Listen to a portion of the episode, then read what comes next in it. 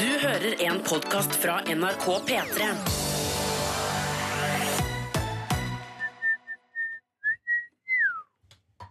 Er det Atle Antonsen som har kommet på besøk? Jeg har snakket så mye om Atle Antonsen i det siste. Hvis han har hørt 70, ja, 70 er mye. 10% av det jeg snakket om han denne uka her, kommer han ikke til å tørre å se meg i øynene. På P13-programmet ditt? Ja, blant annet. Ja, riktig. Jeg, tuller mye med at han er liksom den deiligste mannen i Norge. Det er jo øh, det er ikke tull-tull. Det er jo ikke ironi. Men jeg høres jo helt gæren ut. Ja. Jeg må du, slutte å snakke om det. du, det var noen som skrev i en, en Jeg tror ikke det problemet ble med, dessverre. Mange å velge mellom. Men det var noen som skrev sånn Siri, du er en raring. Men jeg liker deg! Så jeg tror lytterne begynner å skjønne nå at eh, Siri er litt ko-ko. Men det er ikke ko-ko å synes at han er det. Nei, nå skal jeg ikke snakke mer om det. Jeg skal ikke snakke mer om det. Jeg er ferdig. Jeg er ferdig, jeg er ferdig, jeg er ferdig. Men jeg var, også, kom, jo, vet, du, eh, hei til deg som aldri har hørt på Lørdagsrådet. Jeg er produsent og tekniker, Dr. Jones, og du, Siri, Mm. er programleder. Ja. Jeg kom på det hvis noen hører den der første praten vår, liksom, det er det første de hører, også, da er jeg redd for at de skrur av. For de ikke skjønner hva er dette for noe slags greie. Det kommer snart van, altså noe som er skikkelig bra, som skikkelig mange liker. og ja. Og for en, noen uker siden, vi, nei, det var før jul, så surva vi over at folk ikke anmelder oss i iTunes. Der, altså, det har kommet så mye fine anmeldelser. Er det sant? Ja, ja. Masse Men er det noe negativt, da? Nei, nei, nei Så jeg kan gå inn der og se? Ja. Jeg blir altså så uh, Du hater kritikk, du. ja, Det verste jeg vet, er kritikk. Jeg skjønner ikke poenget med kritikk. Jeg skjønner poenget med å kritisere, men jeg skjønner ikke poenget med å få kritikk. Ja, men det, så tusen takk til alle som gikk inn og skrev. Det var, jo, det var veldig koselig at dere gadd det. Altså, Ja, det, vi krever jo mye av det du som hører på, at dere skal sende inn. Og det gikk dere fader meg inn og anmeldte òg. Tusen Ja. takk. Det Fint, da. Du skulle egentlig, Poenget med dette er at du skal stille meg private spørsmål. Men jeg tror ikke det er så mye du egentlig vil vite om meg privat. Ja, men jeg får jo vite ganske mye. Det er det som er vanskelig. Men du skal ha biff og blowjob eh, med mat. og Det, syns jeg nesten er for privat. At jeg skal ha biff og blowjob dag med Det er jo så harry at det, det er til å daue av, men for å gjøre det søtere, da, Ja. så har jeg jo egentlig en sånn um, biff og brettspill. Ja. Og det er det vi skal ha, sa det. var bare for at jeg hadde lyst til å være litt sånn artig dirty med mannen min på SMS her. uh, så skrev jeg biff og blowjob, isteden, for jeg vet at sånn uh, menn i snart 50-åra syns det er sånn ho, ho, ho, ho, ho, ho, sånn. Så jeg skulle bare please han litt på det. Men du Men det er biff og brettspill. Det betyr ikke at uh, Biff og brettspill betyr bare at vi um, Før hadde vi sånn at vi må gjøre noe og spise noe på samme bokstav. Ikke sant? Laks og limbo. ehm, sushi og uh, ja, det er lett å komme på sånn suging nå. ja, ja. At Slike? det skal ikke være noe sexrelatert, men det er jo en teori bak som er at uh, hvis vi får til et skikkelig en bra runde med brettspill, liksom, så er det ikke helt umulig at det fører til fisting, holsing. Hva er det? Nei da. Men bare ved å gjøre noe sammen, så er det jo ofte at, at det leder videre. Det er på en måte en, en ønsket intensjon bak, altså, i skaperne av konseptet, Ja. meg og lokføreren.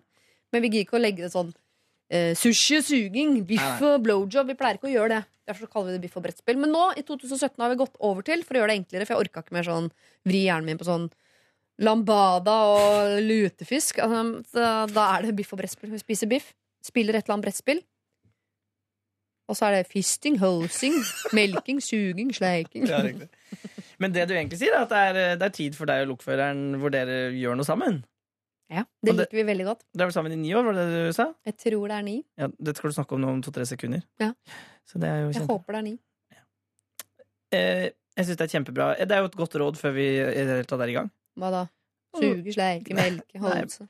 Gjøre ting sammen. Ja, det er andre greier. Jeg lover at jeg skal på Grunnen til at jeg, jeg syns det er vanskelig å komme på det, eh, et spørsmål om privatlivet ditt i starten, er fordi at uh, jeg har, har, har, Du har hørt alt. Jeg har hørt ganske mye om deg, både, både på radio og ikke på radio. Så jeg kom ikke på Og det er mye mer! ja, jeg, Må bare vet. grave dypere. Må ned på dark web. jeg lover. Neste sending, Mm. ned på dark web. P3.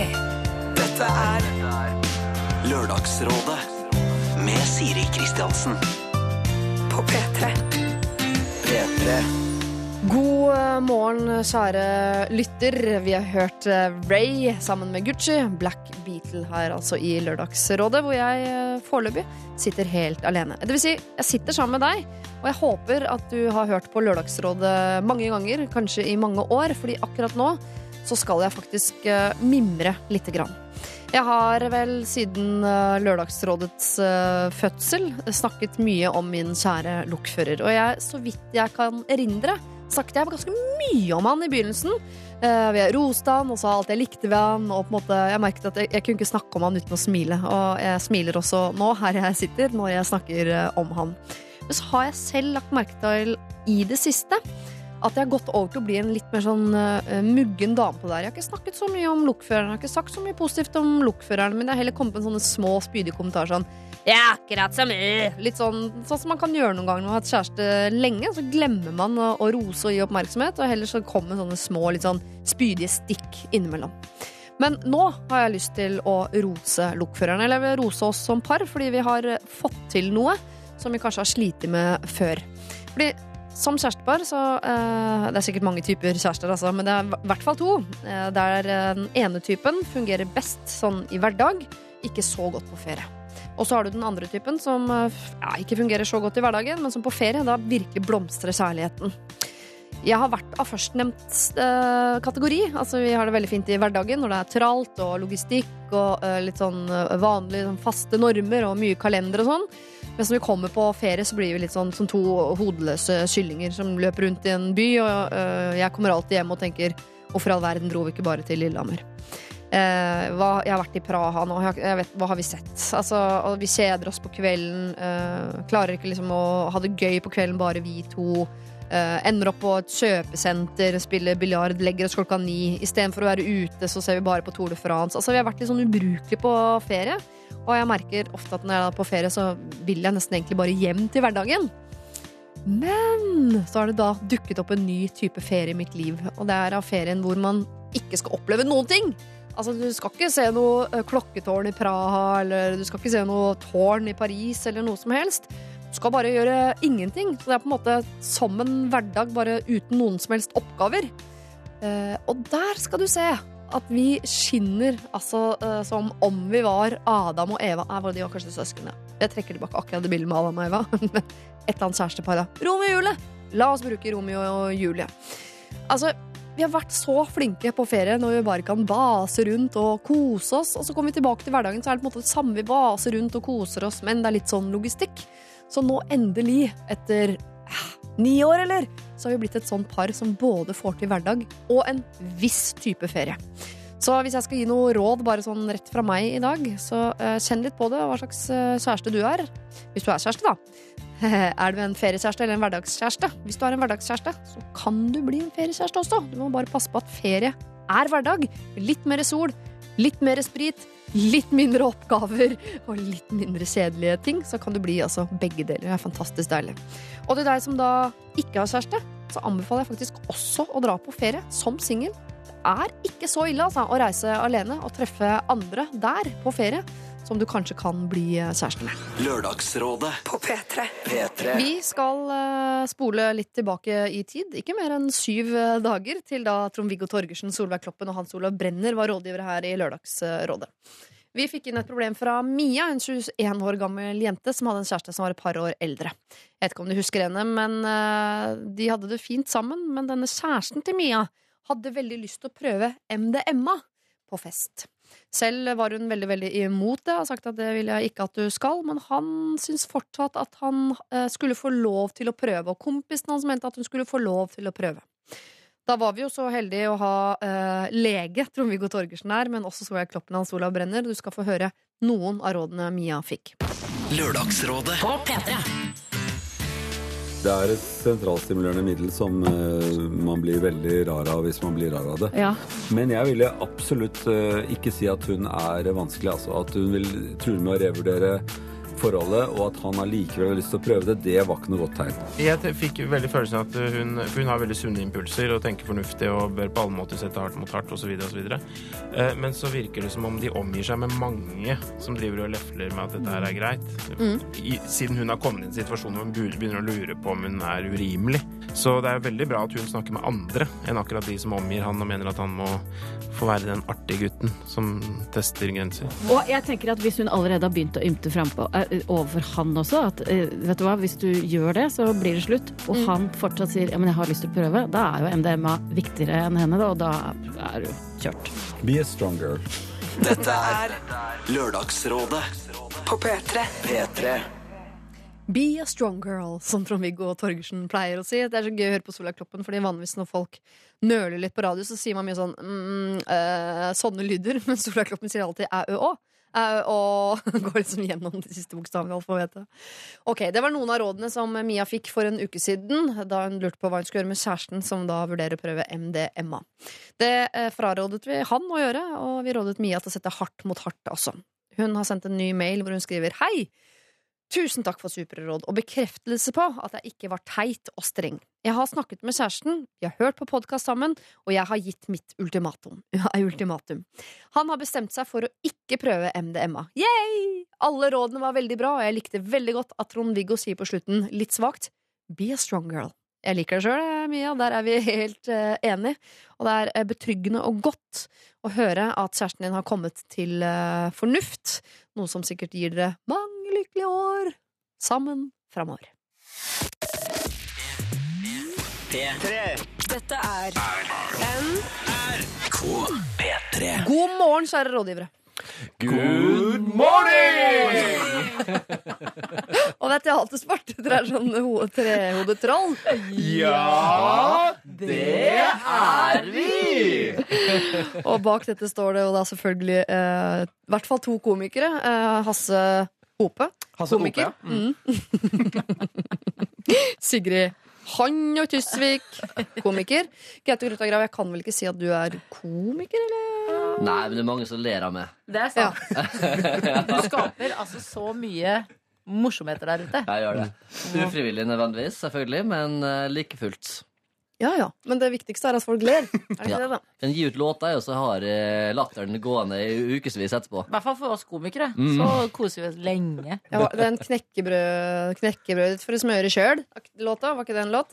Ja, Den Ja. var jo meget, meget populær, rett og slett. Ja. Hvor da? På internett. På internett. Den står iTunes. som en av låtene Ja. som skal bli husket. Jeg skjønner. Dere, eh, Nyttårsaften kan sikkert virke som en evighet siden, men jeg har lovt meg selv å spørre alle rådgivere i Lørdagsrådet hele denne måneden om de har noen nyttårsforsetter. Så langt har de fleste sagt nei, jeg har ikke, for de er så innmari voksne. Det er så ut med nyttårsforsetter. Og jeg lurer på om dere føler dere inn i rekken av kjedelige svar på dette. Ja. Nei, jeg har et nyttårsforsett. Ja, Jeg har bra. det. Jeg har lyst til å ha en sånn uh, Jeg har lyst til å ha en veltrent kropp, men ikke en sånn klassisk uh, veltrent kropp.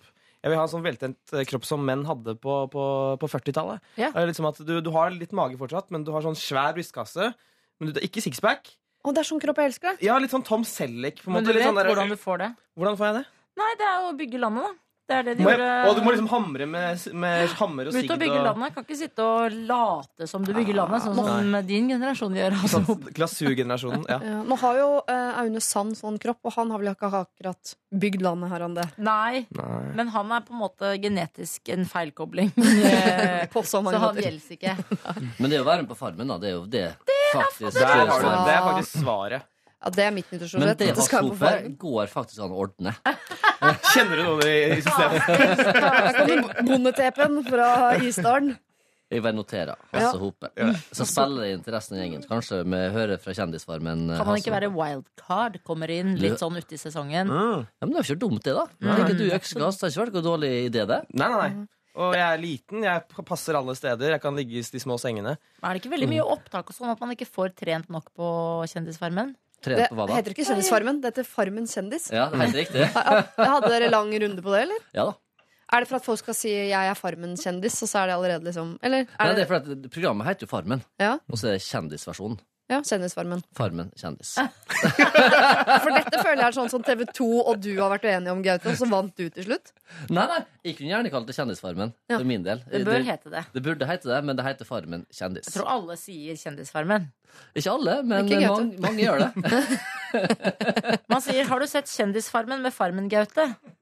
Ja, Der Ja. hvor Farmen Aylar var med, og Farmen Vendela Kirseboms var med. altså Dere kan si hva dere vil, eh, dere som jobber med Farmen kjendis, men at ikke det var tap for produksjonen at uh, de to riksmeggene går ut helt i starten, begge to.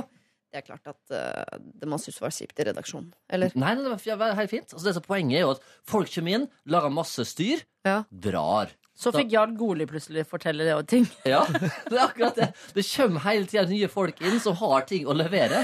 Så jeg er aldri bekymra for at folk drar fra Farmen. For det er alltid det kommer nye da, hele tida. Ja. Ser du ikke på novelle, Siri? Jo, jeg sitter jo her, jeg pøser ut informasjon.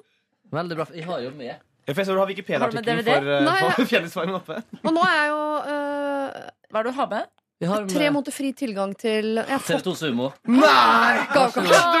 Shit, Vær så god. Du, Jonas, vær så god. Oi, nå ble jeg skikkelig glad. Føler at jeg må være med på kjend Farmen kjendis. Neste Sigrid, du og jeg og Hasse, vi tre neste år. Ja. Eh, Farmen kjendis. Ja, takk. Å, herregud, du skal se. Jeg kan bygge gapahuk fortere enn um, Men altså, Kommer hvis ikke på noe som dere to blir med, så blir jeg med, faktisk. Ja, jeg også. Da har vi den, da. Du trenger ikke å si noe, Gaute. Nei, jeg kjefter. Jeg bare noterer. Kjapt, er det noe nytt på status, sivil statusfronten? Er det noen Nei. som har noe å bringe til bordet der? Blitt single, Mm. gift, fått barn? har ikke Gaute nyttårsforsett? Har du ikke ny, du nyttårsforsett? Jo, jeg skal ikke kjefte så mye, men det henger, i, henger sammen med søvn. Ja. Så jeg skal sove mer, men det vet jeg er to-tre år til. Jeg vet ikke hvordan vi skal løse det. Nyttårsrettet er å sove mer om to-tre år. Ja, men fordi når treåringen min sier sånn derre eh, eh, Mamma er veldig sint på pappa, sier hun til folk som kommer på besøk. Men det, trikset er faktisk separate soverom i noen måneder. Det er lov. Ja, det er sant. Det, det, Det er det, er veldig mange småbarnsforeldre som gjør det, og det er gjort sjøl. Fungerer som ei kule. Eh, Når folk sover, så er folk bedre, rett og slett bedre Mm. mennesker. Ja, jeg har samme greie, bare at det ikke ligger noen i de andre soverommet. Smart. Veldig deilig. Og Hassa Er du singel igjen, eller dere bare har ikke flytta sammen ennå? Nei, jeg var singel Sist du var her, så hadde du deilig modellkjæreste. Hæ? Eller var det bare tull? Nei, hæ, vent nå litt. Når var, jeg, når var jeg her sist, da? Har du vært singel? helt- Har jeg bare drømt at du har fått deg deilig modellkjæreste? Altså, jeg jeg hadde en deilig Altså, Hun var ikke på teknisk sett modell. Altså, Nei. Hun jobbet ikke som modell. Nei. Jeg syns hun, var- jeg synes hun var vakker som en modell. Ja. Eh, men jeg, hun, nei, vi er ikke sammen lenger. Åh. Så er det noe nytt på sivilstatusfronten, da. Ja, det er jo det. det, er jo det. Mm. Det, det, Nitrist. det går fint. Hun har det fint. Jeg har det fint. Alle har det fint. Hun hører sikkert på nå. Hei, hei. hei. Og du har begge soverommene for deg selv. Det er jo positivt, da. Men nyttårsforsettet mitt, da, det var bare for å ta det helt ferdig, komme oss videre her, det er rett og slett fortsette som før! Ja, ikke sant? Ja. For jeg, var, jeg traff ganske godt i 2016 på, eh, på jobb og soving, trening, alt det greiene der, så jeg er på en god, eh, ja, god vei, da. Ja. Jeg syns du skal prøve Herregud. å få skvisa inn en party nummer to. Du fester jo en gang i året. Ja, Det er 18. desember. Ja. Kan du få inn et party nummer to? En liten sommerfest? Det er en god idé. Ja. Jeg savna veldig Jeg hadde jo veldig store sommerfester før som var kule. Vinterfester det har ikke skjedd på årevis. Så jeg burde kanskje fått en sånn sommerfestival igjen. Ja, vi Det savner jo de der sommerfestene dine. Men dere kommer aldri. Du mener Jeg har da alltid vært der! Jeg har alltid Jo. vært der, jeg òg. Snakker dere om 17. mai-festen? Jo, 16. mai. Alltid vært der. Den var. Toga ut til Jessheim eller Lillestrøm eller hvor pokkervoll du valgte å, å bygge det der Farmen-huset ditt. Ja, Strømmen. Strømmen var det. det var kult, det. Så, Ja. Men nå skal jeg gjøre det i Isfjorden i stedet for. da 50 mil med tog. Ingen Da problem. Kommer, kommer ikke. Uansett når det er. Det kommer ikke til å skje.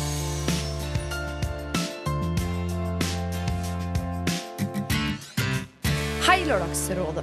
Vi er et par i 30-åra. Vi er en helt vanlig familie eh, som har barn.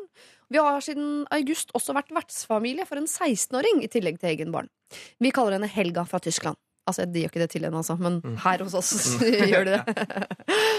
Vi har blitt veldig glad i henne, og hun er absolutt til å stole på. I hvert fall så langt, vel å merke.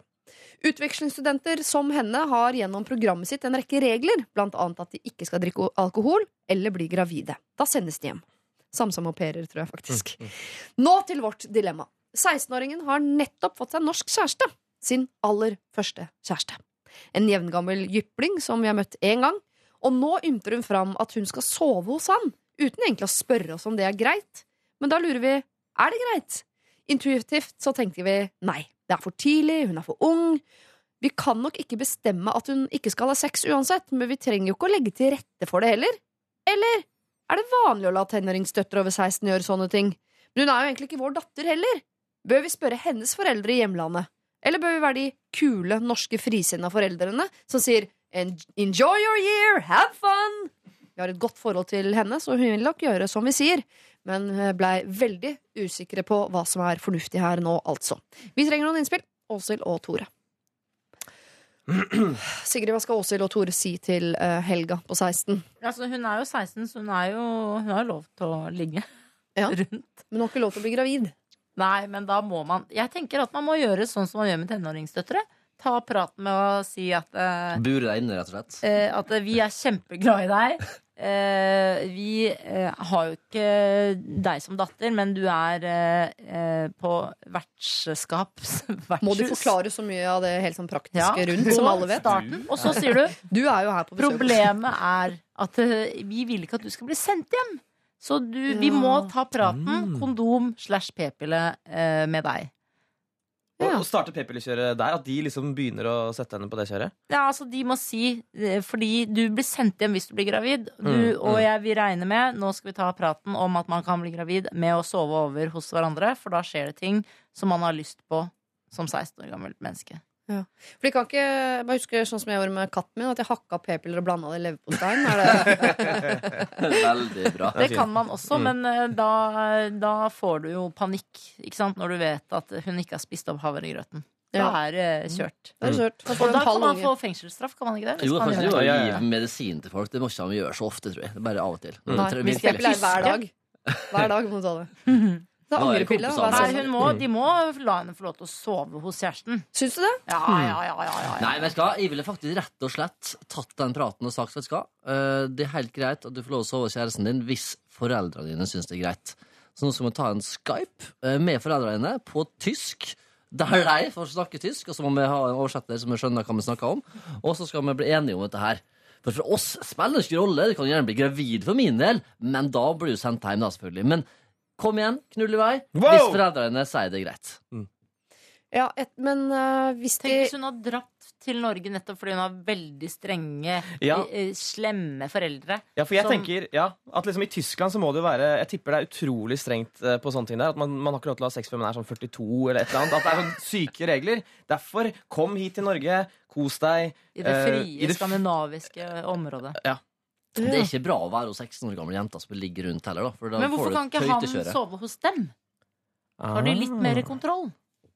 Ja, eh, det har de faktisk skrevet. Jeg valgte å ta det bort, men siden dere spør, så syns de det er ukomfortabelt om eh, han skal sove hos dem, og så må de sitte og, og se på han over frokosten. Bløtkokt egg liksom søndag morgen. Det bare sier de at det orker er ikke. Ja. enig. Vi snakket jo om eh, det i stad, det å ha to soverom. Eh, hva om de kan få dele seng fram til ti? Og så fra ti til syv neste morgen så ligger de på hvert sitt soverom. Det er en vanlig taktikk i veldig mange hjem, faktisk. Ja. Er det? Du kan, ja, kan, kjæresten kan gjerne få lov å komme og overnatte, men dere må overnatte i hvert deres rom. Ja, fordi jeg tenker at uh, det er som de sier, de er veldig fornuftige på sånn Vi kan jo ikke bestemme at hun ikke har sex, for eksempel, for det kan man jo gjøre når som helst og, og hvor som helst. Men jeg er helt enig at du skal ikke legge til rette for det. Men at ikke Åshild og Tore snakker med foreldrene til denne jyplingen, denne gutten, Mm. og eller foreldrene til denne tyske jenta, så er det rart å sende datteren sin til et annet land i en alder av 16 og basere seg på at ja, det der fins det regler for, hun skal ikke drikke eller bli gravid. Og da, resten av oppdragelsen, det, bare, det lar vi de stå for. De har aldri hatt barn før på den alderen, men vi får se hva de finner på. Jo, men Tror du ikke veldig mange foreldre tenker ok, du er 16, du kan få lov til å ligge rundt, men eh, og da begynner jo perioden der du liksom faktisk gjør det. Så eh, hvis du har problemer, så kom til oss, men ikke, ikke, vi kan ikke liksom gå i detalj på Jaså, du skal Jeg husker i hvert fall da jeg skulle få lov til å ligge over hos kjæresten første gang. Så var det jo ikke en prat om sånn, og da må du huske å ikke bli gravid. Det, det lå, alle skjønte da at det lå i kortene at her skal det ligges, men det var ingen som Oi. sa det. Oi. Gjorde det? Ja, ja, Ja, alle alle ikke blunka til hverandre. Ja, Eng, eng, eng, sa de. Ja, jeg Nå skal at det skje, ja. Kanskje de syns det er litt flaut å ringe disse foreldrene og snakke om det, men det er flauere å ringe og si sånn «Eh, 'Jeg har satt dattera deres på Kiel-ferja, men hun er på tjukka'. Altså, Ja, men Det er derfor de må ta praten om prevensjon, men ikke om 'du må ikke ligge med ham, for det kommer til å skje. men hjelper det? Er Ja. det fordi eh, Helga ikke veit om prevensjon, at hun blir gravid, eller Nei, de må på en måte si det er veldig kjedelig for både deg, oss alle rundt, hvis du blir gravid, så derfor må vi på en måte ta denne praten med deg. Vi regner med at du har hørt på Juntafil i Tyskland. at- Men du, er det Er det sånn fortsatt, eh, holdt jeg på å si, at det er sånn, for jenter er det en større ting å ligge enn gutter? For gutter kan bare ligge i vei og gå videre, mens jenter blir veldig følelsesmessig attached. Ja, da. ja. Ikke sant? Da blir hun blir veldig Og så skal hun dra, det. ja, og skal jo dra igjen. Ja, og så Er eh, er det jo mer liksom eh, en kneik å komme over som jente. Å ligge første gang. Ja. Så dette her, ikke bare kan de eh, f eh, Det er feil å bruke fuck up eh, her, men altså, hun kan bli gravid og sendt hjem. Mm. Eh, hun kan bli emosjonelt helt vrak av dette her. Eh, de har masse ansvar, men samtidig ikke masse ansvar. For det er det egentlig noen andre altså, det, er, det er en veldig vanskelig tricky mm. greie, dette her. Og det er ingen av oss som noensinne har hatt en datter på 16. Jeg gruer meg til det. Ja, jeg så gruer meg veldig til Jeg gruer meg ikke til sønnen min skal begynne å ligge rundt, men dattera mm, Jeg er ikke så sikker på det. Nei, jeg har, jeg har begynt å spikke på det balltreet allerede. Jeg skal ikke bruke den. Jeg skal bare stå sånn diskré og slå det i hånda. Sånn, hala. Du, de, de bor jo så på så lite sted òg, så du på en måte, de, har, de skal ligge med så få. Det er akkurat det. Kjenner de så godt. Så jeg har allerede sagt til deg Altså, ligging gjør meg i andre byer. Ja. Og så er dere stien deres rein her i bygda. Det var lurt. Ja. Du har hengt opp sånn lapp på nærkjøp du, inne i, i Åndalsnes der, med bilde av døtrene. Sånn 'ikke ligges med'. Og så Ja. bilde. Men jeg tenker, det står i reglementet 'kan ikke bli gravid'. Det står ikke noe om at de ikke kan ligge. Nei. Og hun Nei. kan ligge da i- ifølge både utvekslingsstudentprogrammet og ø, norske regler. Så hun har lov til å ligge. Hun har kjæreste. Eh, så jeg tenker at å overlate Ja, kanskje hun burde få lov til det, eller? Jeg tenker, altså, Det virker som disse folka er veldig opptatt av å være kule. At Det er liksom det, er det som står i sentrum her. Ja. Og det går an å være kul og liksom sette seg ned med henne og si liksom, du, vi er kule, vi skjønner greia, vi liker å ha sex, vi også, vet du.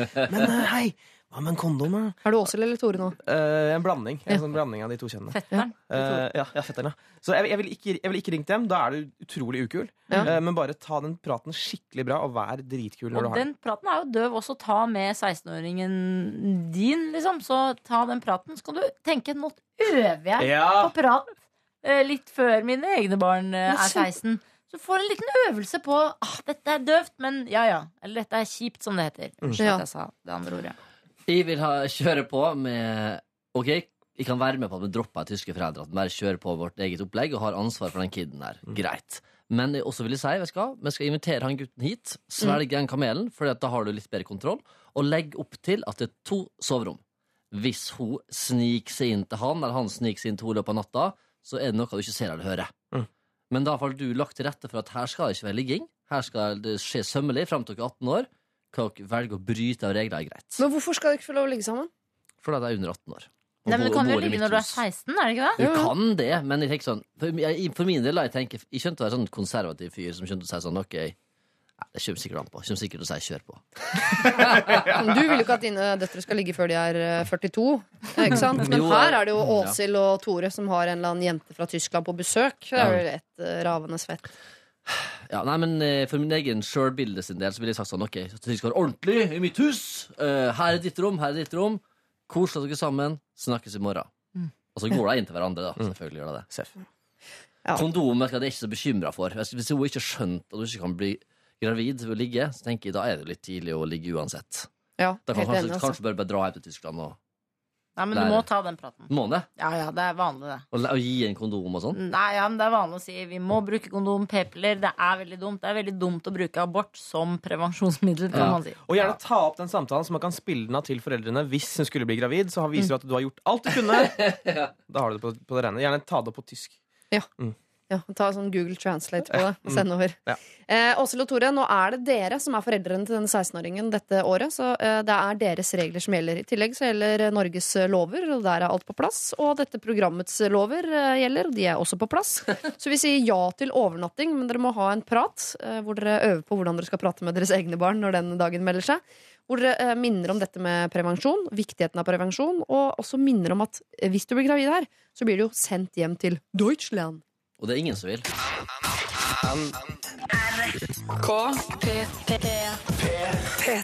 Min absolutte, absolutte favorittlåt fra Johnny og Onkel P glir forbi. Og så hørte vi også Shape of You, Ed? Sheeran. Jeg veit ikke. Kan ikke du si hvilket favorittprogram, eh, favorittmusikk du hører på på Hva er det du driver med? Mm, Kan ja, man ikke si det? men jeg er ikke ansatt i NRK, på en måte, så jeg forholder meg ikke til reglene. Nei. Jo, vi, har, vi skal ikke si hva vi stemmer, og vi skal huske at vi er på en måte eh, At folk hører på oss. Men jeg tenker, sitter jo her og gir råd. Og gir et råd. Den låta burde du høre mer på. Den er skikkelig fin, syns jeg. Ja, ja, ja. Så lenge Ikke disse er en låt, sikkert disse er verre. Det var den verste låta jeg har hørt. Ja, nei, Men, men har dere hatt et sånt uh, spørsmål kommet inn? her sånn, jeg klarer ikke å bestemme meg for hvilken Johnny Onkel P-låt jeg skal høre på. Kan dere, har dere fått den? Nei, men hvis vi får det, så er det glir forbi som har svaret det. I hvert fall fra meg. Dere, uh, vi eh, skal hjelpe en som heter Johan. Eller han kaller seg i hvert fall for Johan. Og Johan, i dag skal du få hjelp av Hasse Hope, Sigrid Bonde Tusvik og eh, Gaute Grøtta Grav. Kjære Lørdagsrådet. Tidligere i høst kom jeg ut av skapet etter en lang tur ned i kjelleren. Jeg var klar for å starte et nytt liv der jeg bare skulle være meg selv. For kanskje to måneder siden så, jeg Tinder, så byttet jeg Tinder-innstillingene, slik at jeg kan sveipe meg gjennom folk av samme kjønn. Til min store overraskelse så treffer jeg en fra videregående som jeg aldri har snakket med før. Kall han Herman. Jeg sveiper til høyre. Det blir match. Vi kommer fram til at vi ikke skal snakke om dette, men holder kontakten på Snapchat. Så er det jul, da. Og det er da problemene begynner. Jeg reiser hjem til hjemkommunen min, og der bor Herman fortsatt. Så jeg spør om vi kan møtes, men han er litt skeptisk til det. Men så, andre juledag, så treffer jeg Herman tilfeldig på byen, og jeg prøver å få kontakt med han, og han ser meg ikke inn i øynene. Min reaksjon på dette er å fortelle alle i lokalet at Herman er homofil, inkludert vennene hans. Det går noen dager, og jeg unnskylder meg gang på gang, men Herman svarer ikke. Etter en stund får jeg melding fra Herman der han forklarer at han ikke er homofil, han er bare nysgjerrig. Dette motsier alt som er sagt før, og det er svært lite troverdig. Jeg har ikke snakket med han siden, men jeg tror jeg er skyldig å dytte stakkars Herman to meter lenger inn i skapet. Så hva gjør jeg nå, da? Vi har ikke snakket sammen på fem dager. Hilsen Johan.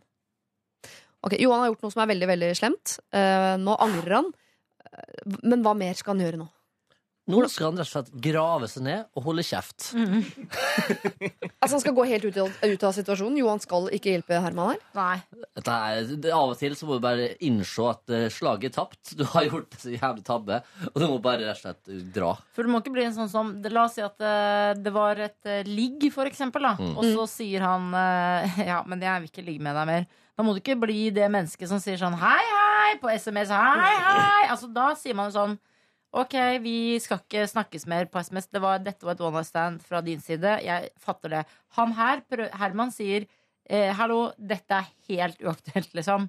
Vi skal ikke prate sammen. Ok, da må ikke Johan mase og bare 'Jeg er ikke ferdig'. Nå har du driti deg ut, Johan. Det var veldig kjedelig for deg. Men du skal ikke plage Herman med at du skammer deg. Da må du gå og skamme deg et annet sted. Se på Skam, for eksempel. Ja. Sitte og piske seg selv på skambeina. Ja. Ja, men det tenker Jeg også altså, Jeg mener at eh, her må de sette seg ned og ha en skikkelig fin og lang prat. Nei, må det det? Jeg møtes? Ja, jeg syns de skal møtes. Og, Oi, der, og da har du 20 fuckings samtaler fra sesong 3 av Skam. Han kan bare kopiere og si ordrett, eh, og som, vi, jeg tror, som jeg tror vil hjelpe ganske mye.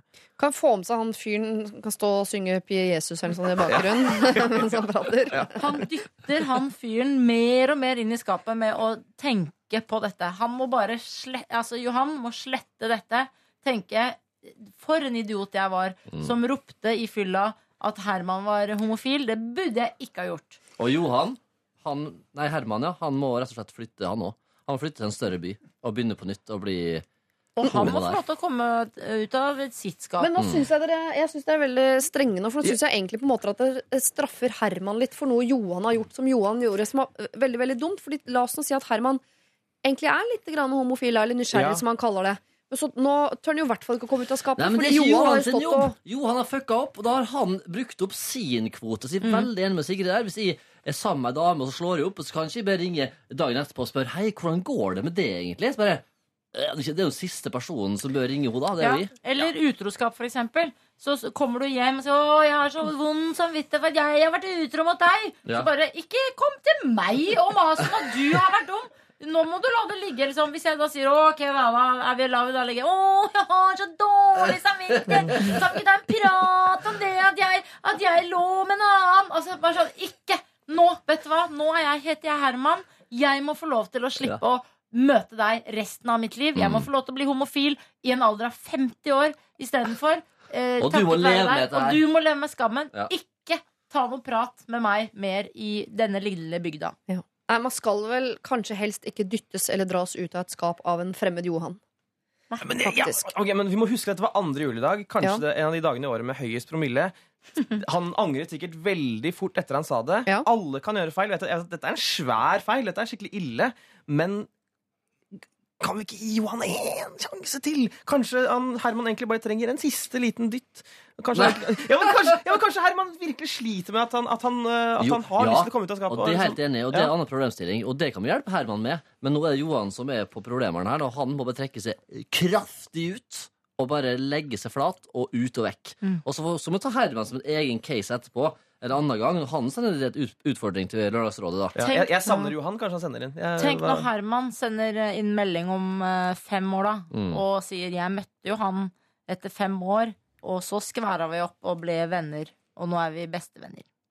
Nå ligger vi sammen. Nei, nå begynte jeg- Å, det var fint. Men du må la han være eh, i fred i fem år. Ja. Vi er, vi er Herman to. kommer inn på, i Ja. utestedet neste andre juledag, så skal jo han si 'Jeg ser deg ikke inn i øynene'.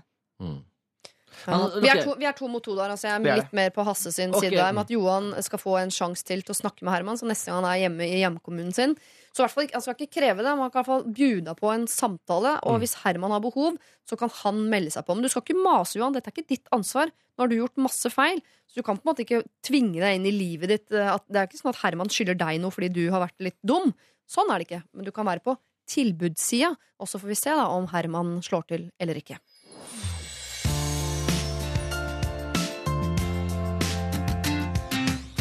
Vi skal treffe Kari. Hun er en jente i 20-åra som har reist på ferie til det samme stedet i Asia to år på rad. Vennegjengen reiser tilbake dit en måned i sommer også. Jeg har penger, og jeg har mulighet til å reise, men mitt dilemma er I de to foregående årene har jeg blitt godt kjent med en gutt som jeg så å si har falt for. Av ulike omstendigheter så er det ikke mulig for oss å være sammen eller skape en felles framtid, selv om han insisterer. Så, dersom jeg reiser, så vet jeg at disse gamle følelsene vil blusse opp, og jeg går noen kjipe måneder i vente i etterkant. Samtidig vet jeg at jeg ikke vil ha det bra dersom jeg sitter hjemme en måned, mens mine venner er tilbake på denne plassen og treffer våre felles bekjente, når jeg vet at jeg også kunne ha vært der. Så hva gjør jeg? Skal jeg reise eller bli hjemme? Kari. Jeg skjønte, en, en del jeg ikke fikk med meg Jeg skjønte ikke, hva, hva var situasjonen med han? Eller hva var Hun har treffet en fyr i Asia som hun er forelsket i. Han er forelsket i henne, men Ja. av en eller annen grunn som hun ikke vil beskrive i Å, ja, mailen, så kan de, ikke, de kan ikke gifte seg, en barn grunn og der, leve lykkelig. Ja, ikke sant? Ukjent grunn. Den er Mm. grei. Mm. Så Men- ikke, ikke, Altså, ikke gå et, den veien. Jo, det skal altså, Mm. Vi lar det ligge. Så. Ja, det, det det blir ikke de to. Nei. Men altså, jeg tenker jo, herregud, vi må jo leve mens vi kan. Ja. Uh, go, go before it's too late uh, er jo et sånn slogan som Kilroy. Kilroy, helt riktig. Og der kan jeg slenge meg litt på. og tenke at vet du hva, Så lenge ikke hun har fast følge i Norge, go for it.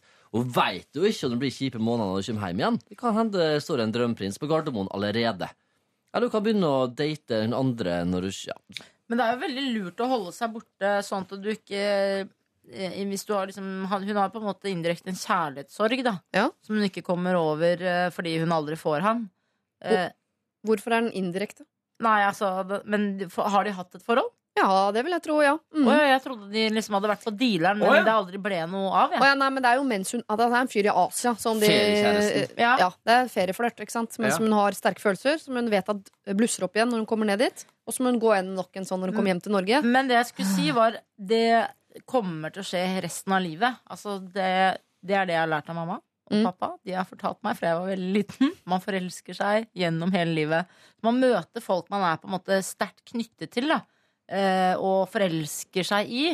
Eh, Og så vet man ofte da Kanskje du er gift, da, så da kan du ikke bli sammen med det mennesket. Men likevel så kommer du til å kjenne på det, den følelsen av det mennesket. Det er jo Mm. noen mennesker som faktisk gir deg liksom en sånn Dette er eh, et menneske jeg burde vært sammen med. Men Hvem så er den forrige du var forelska i?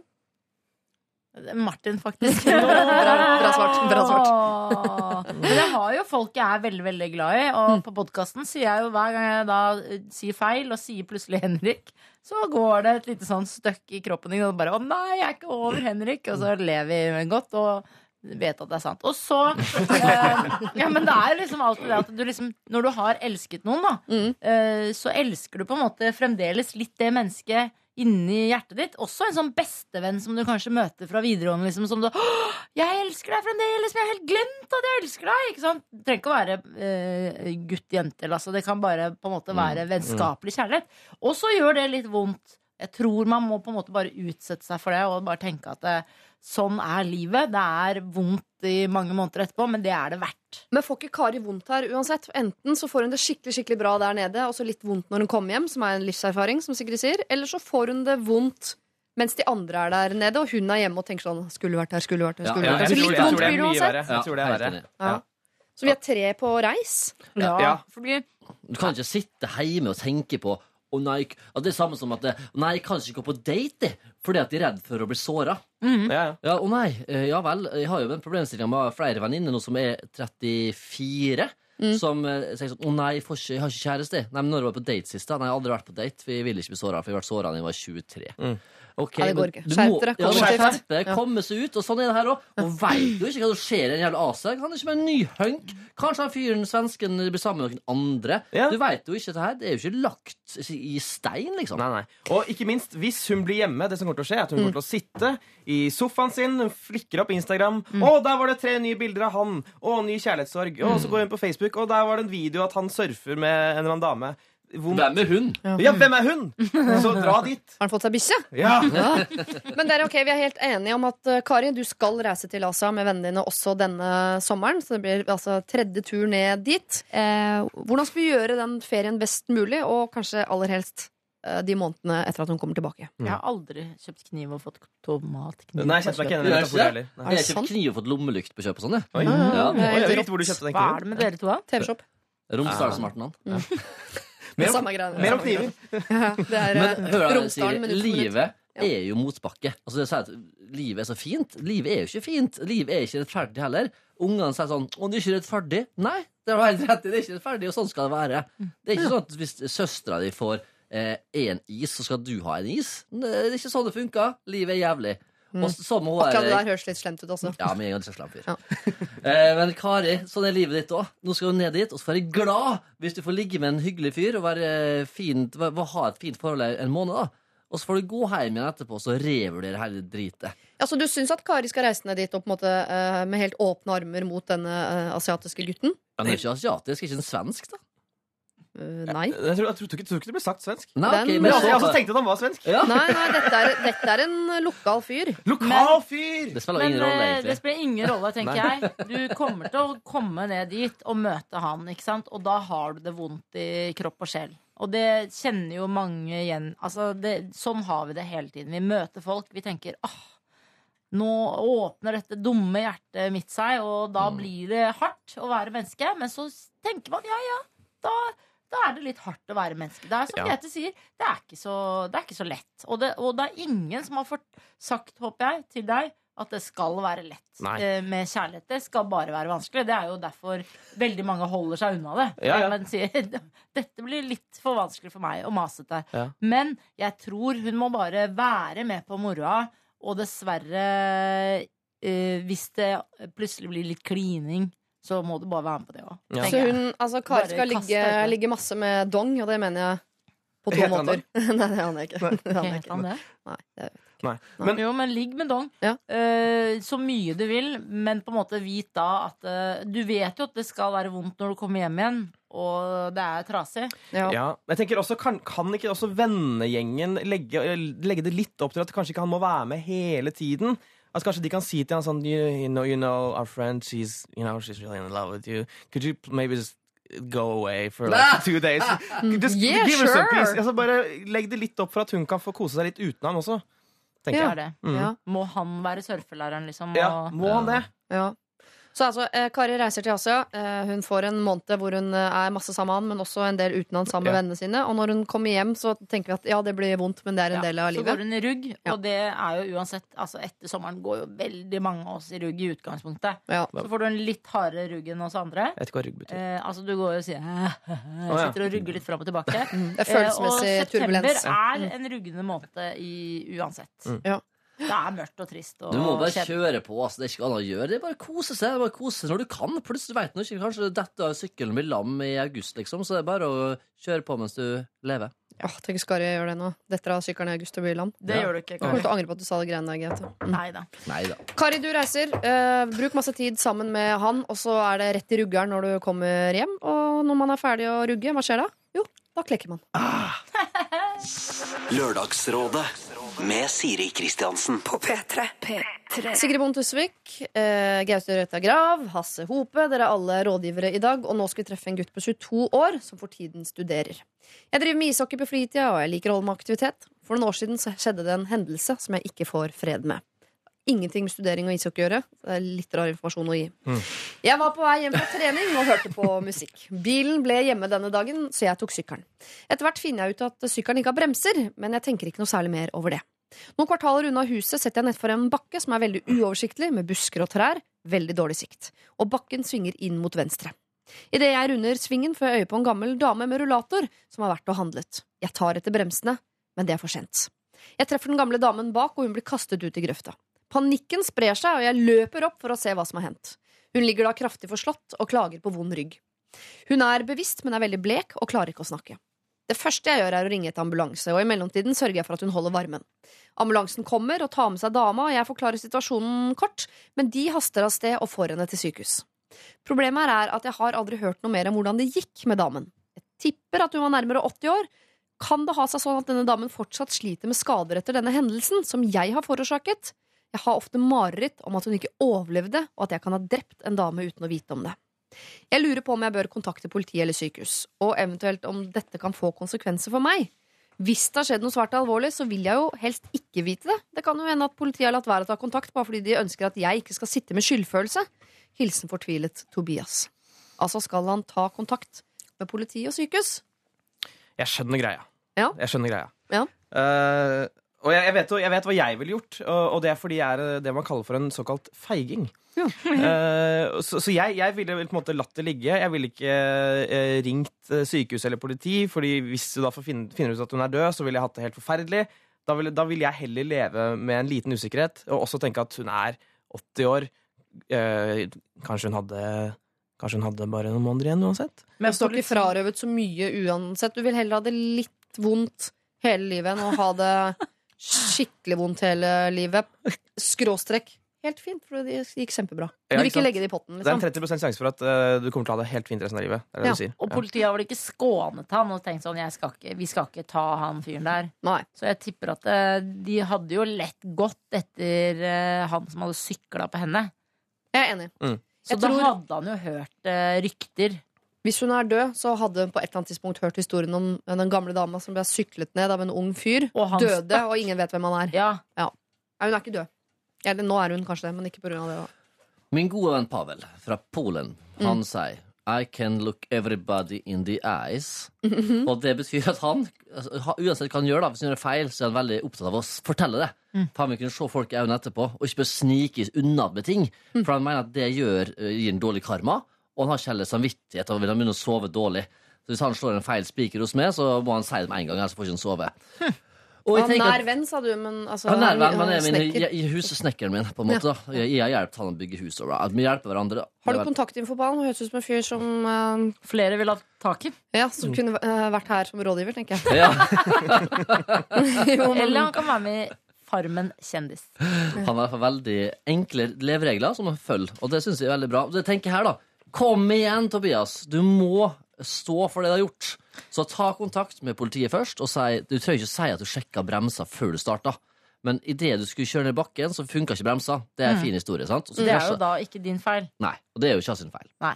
Og så tenker jeg helt enig. Du må gå inn og bli katolikk og polsk inni ditt hjerte og si jeg tar heller 30 av Maria og pisker eh, ryggen min her eh, for å finne ut hvis hun er der, liksom. Eh, eller så vil jeg gjerne lette mitt hjerte og få vite faktisk at eh, det gikk kjempebra, og slutt å stresse med det. Så får du sove, fordi det er det. Det der kommer til å nage.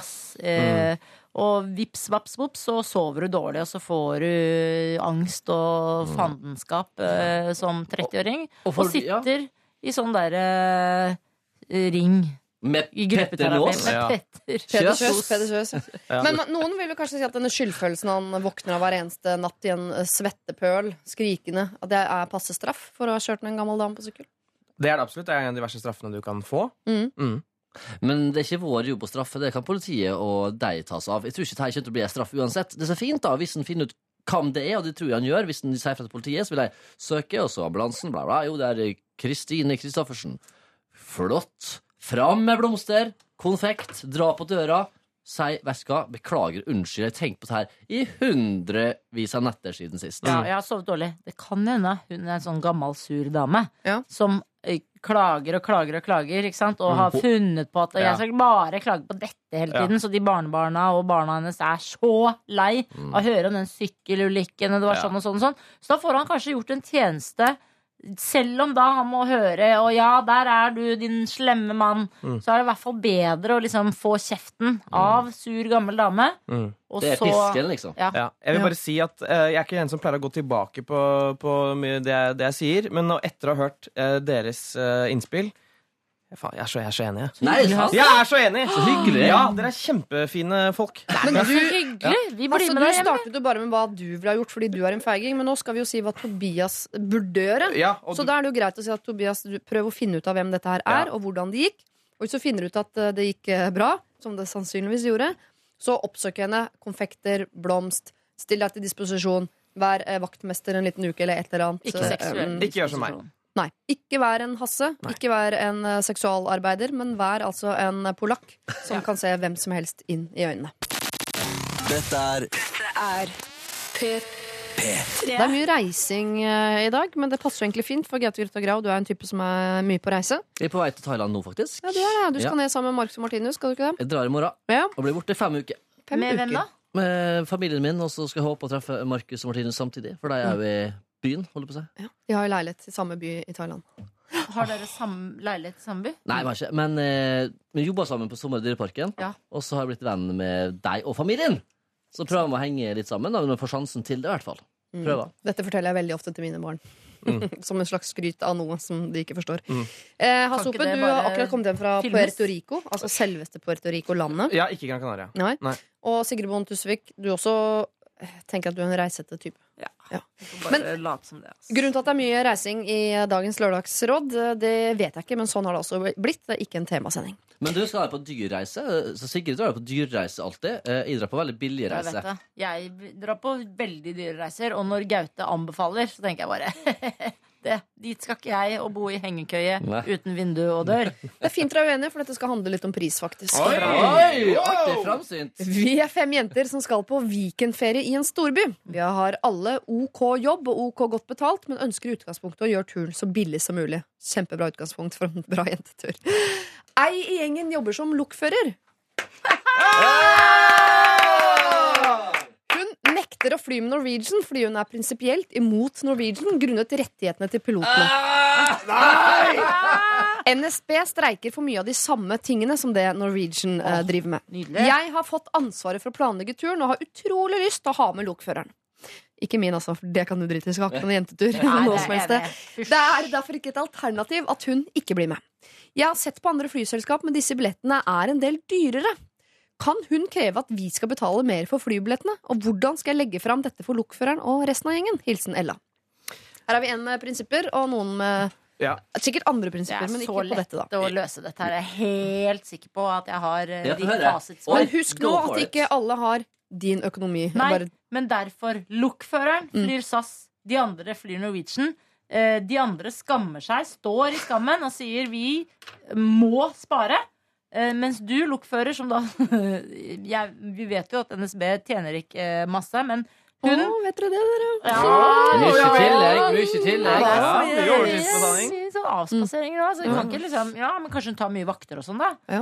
Men eh, jeg vet at Norwegian og SAS De flyr jo nesten alltid samtidig. Altså de flyr, Det er ikke sånn Ja, så kom hun seks timer senere til den storbyen. Nei, hun kom ett minutt før eller tre minutter etter. De lander jo og flyr hele tiden. Og noen ganger skulle man tro at SAS taua Norwegian til Ja. andre storbyer. Det Det er det. er, det er butt-i-butt Ja, hele veien. det- Det det er helt, det det er helt vilt. Så beklager å måtte si det, men hun må sitte alene på SAS.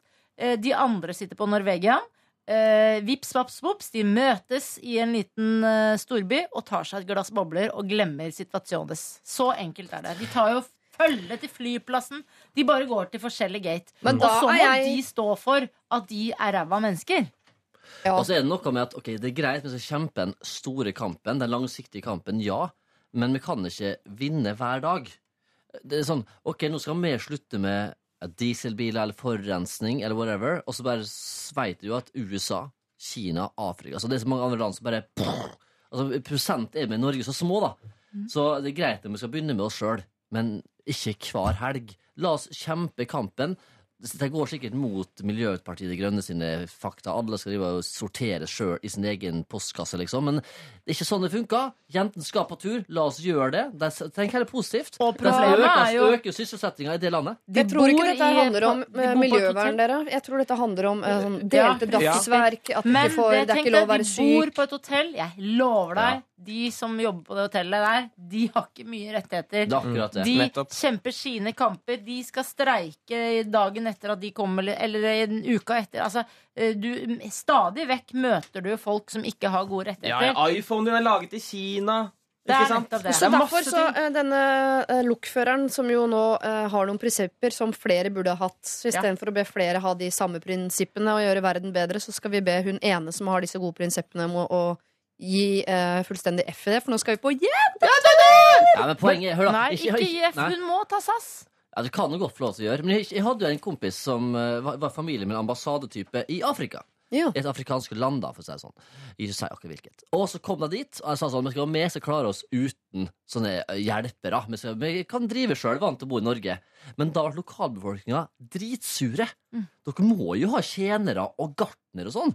Skal dere komme hit og ikke gi penger til oss i lokalsamfunnet? Det må jo sysselsette oss. Det er jo jobben vår å drive det huset her. Og sånn tenker jeg også. Det er greit nok at det kanskje er laget på litt annen måte, og vi kan være uenige og sånn, men de må på jenteturen for å holde verden i gang. Og da sånn, om å gå litt på kompromiss med at Norwegian har litt dårlig personalpolitikk akkurat den helga, så får enten ta SAS, eller bare Sammenligner nå. Norwegian med en eh, gartner i Zimbabwe. Ja. Og hun har jo vekt nå tanken på resten av venninnegjengene. De har sikkert tatt den diskusjonen. De har kranglet på, i fylla. Noen har grått. Altså, det er sikkert sånn at nå kommer kanskje en eller annen av de andre venninnene. Eh, og så tenker jeg nei, nå tar jeg SAS.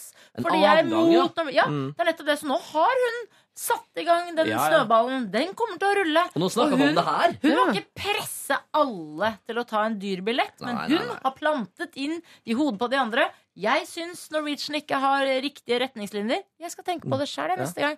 Men så må jeg finne ut, da. Har SAS så veldig snille ting, de òg? Eller er de også kjipe? For jeg har møtt veldig mange på SAS-flyvninger nå som er kjempesure. Og veldig sånn sinte. Ja, på utenlandsflyvning, da. Har du Som er sånn Mm. meggete, potte sure danske, selvfølgelig. Ja. Yes. Og noen tyske også, som var veldig sinte. Men du, Wizz Air, da, for eksempel, som er et helt annet selskap fra et annet land, de flyr jo til Gdansk, for eksempel, fra mange norske flyplasser. Billig, billig. Vet ikke om det er så mye bedre vilkår der, men da kan du få en billig tur. Gdansk, Wizz Air. Bare si det, litt tips. Så vil bare si at jeg har vært i den situasjonen her. Hæ? Eh, Jeg har vært på andre siden. Altså, jeg var den som ikke ville fly Ryanair pga. de dårlige vilkårene der. Oi, har du, er du, står du på På akkurat Ryanair, ikke Norwegian. Det er ikke ille nok. Men Ryanair er så ille at det er, det er liksom Det er jo fuckings Mordor. Men er de så ille mot de andre? Er ikke de verst mot passasjerene sine? Nei, de er ille må mot ille mot alle. Oh, ja. Eh, Og da skulle jeg på guttetur. To, to gutter, eller tre gutter skulle til eh, England. Fotballtur. Og da ville de andre reise Ryanair. Det jeg gjorde da jeg betalte mellomlegget for at vi skulle fly Norwegian. Oi, alle jeg, tre? Ja, alle tre. Og jeg er ikke, jeg er ikke rik. Jeg har NRK-lønn, mm. men jeg har et kjempestort hjerte. Ja. Det var bra. Ja, ja. Det var veldig bra. Fantastisk bra fyr. Ja. Så betal Men da synes syns jeg, selv om det er Ella som eh, sender inn, og det er Ella, det er du som skal arrangere turen, da syns jeg du skal si til frøken uh, lokfører eh, Hvis du vil fly SAS, så gjør du det. Vi kommer til å komme fram samtidig, men da flyr vi andre Norwegian, for det er det vi har økonomi til. Men hvis du vil kaste prinsippene dine for å være med på liksom moroa allerede fra Gardermoen og dele et glass på, på selve flyet og liksom være med som en del av gruppa, for du blir jo det blir fire pluss én på en måte hvis hun ikke blir med. Så øh, du velger. Men vi flyr Norwegian. Men du står fritt til å velge noe annet hvis du vil, og jeg kan booke det for deg. Ikke et greit kompromiss? Ja, ja, ja. Dette er Lørdagsrådet på P3. P3. I dag er det Hasse Hope, Sigrid Bonde Tusvik og Gaute Grøtta Grav som er eh, rådgivere. Det har vært eh, høy temperatur så langt i dag, eh, folkens. Det er ikke noe å si på det. Eh, nå skal vi treffe en som har prognoser for astma. Oi. Wow. Shit. Ja, det er ikke det Mer som om er dette. problemet. eh, Det er mer om diesel eh, Dieselforbud. Kjære Lørdagsrådet. Først må jeg si takk for at dere underholder meg hver kveld i uka. Ja, jeg hører på podkast hver kveld for å få sove. Men jeg har et problem som oppstår hver gang jeg er hjemme på besøk. Mamma og pappa røyker inne i bilen, og det plager meg så hinsides mye. Da jeg vokste opp, fikk jeg alltid høre at jeg lukta røyk, og klærne mine lukta røyk. Så det ble et sårt tema til slutt. Jeg har sagt ifra siden jeg var liten at røyking, det kan dere gjøre ute. Men de gjør som de vil, og røyker inne til tross for at jeg ikke liker det og eh, har fått kommentarer på det i oppveksten.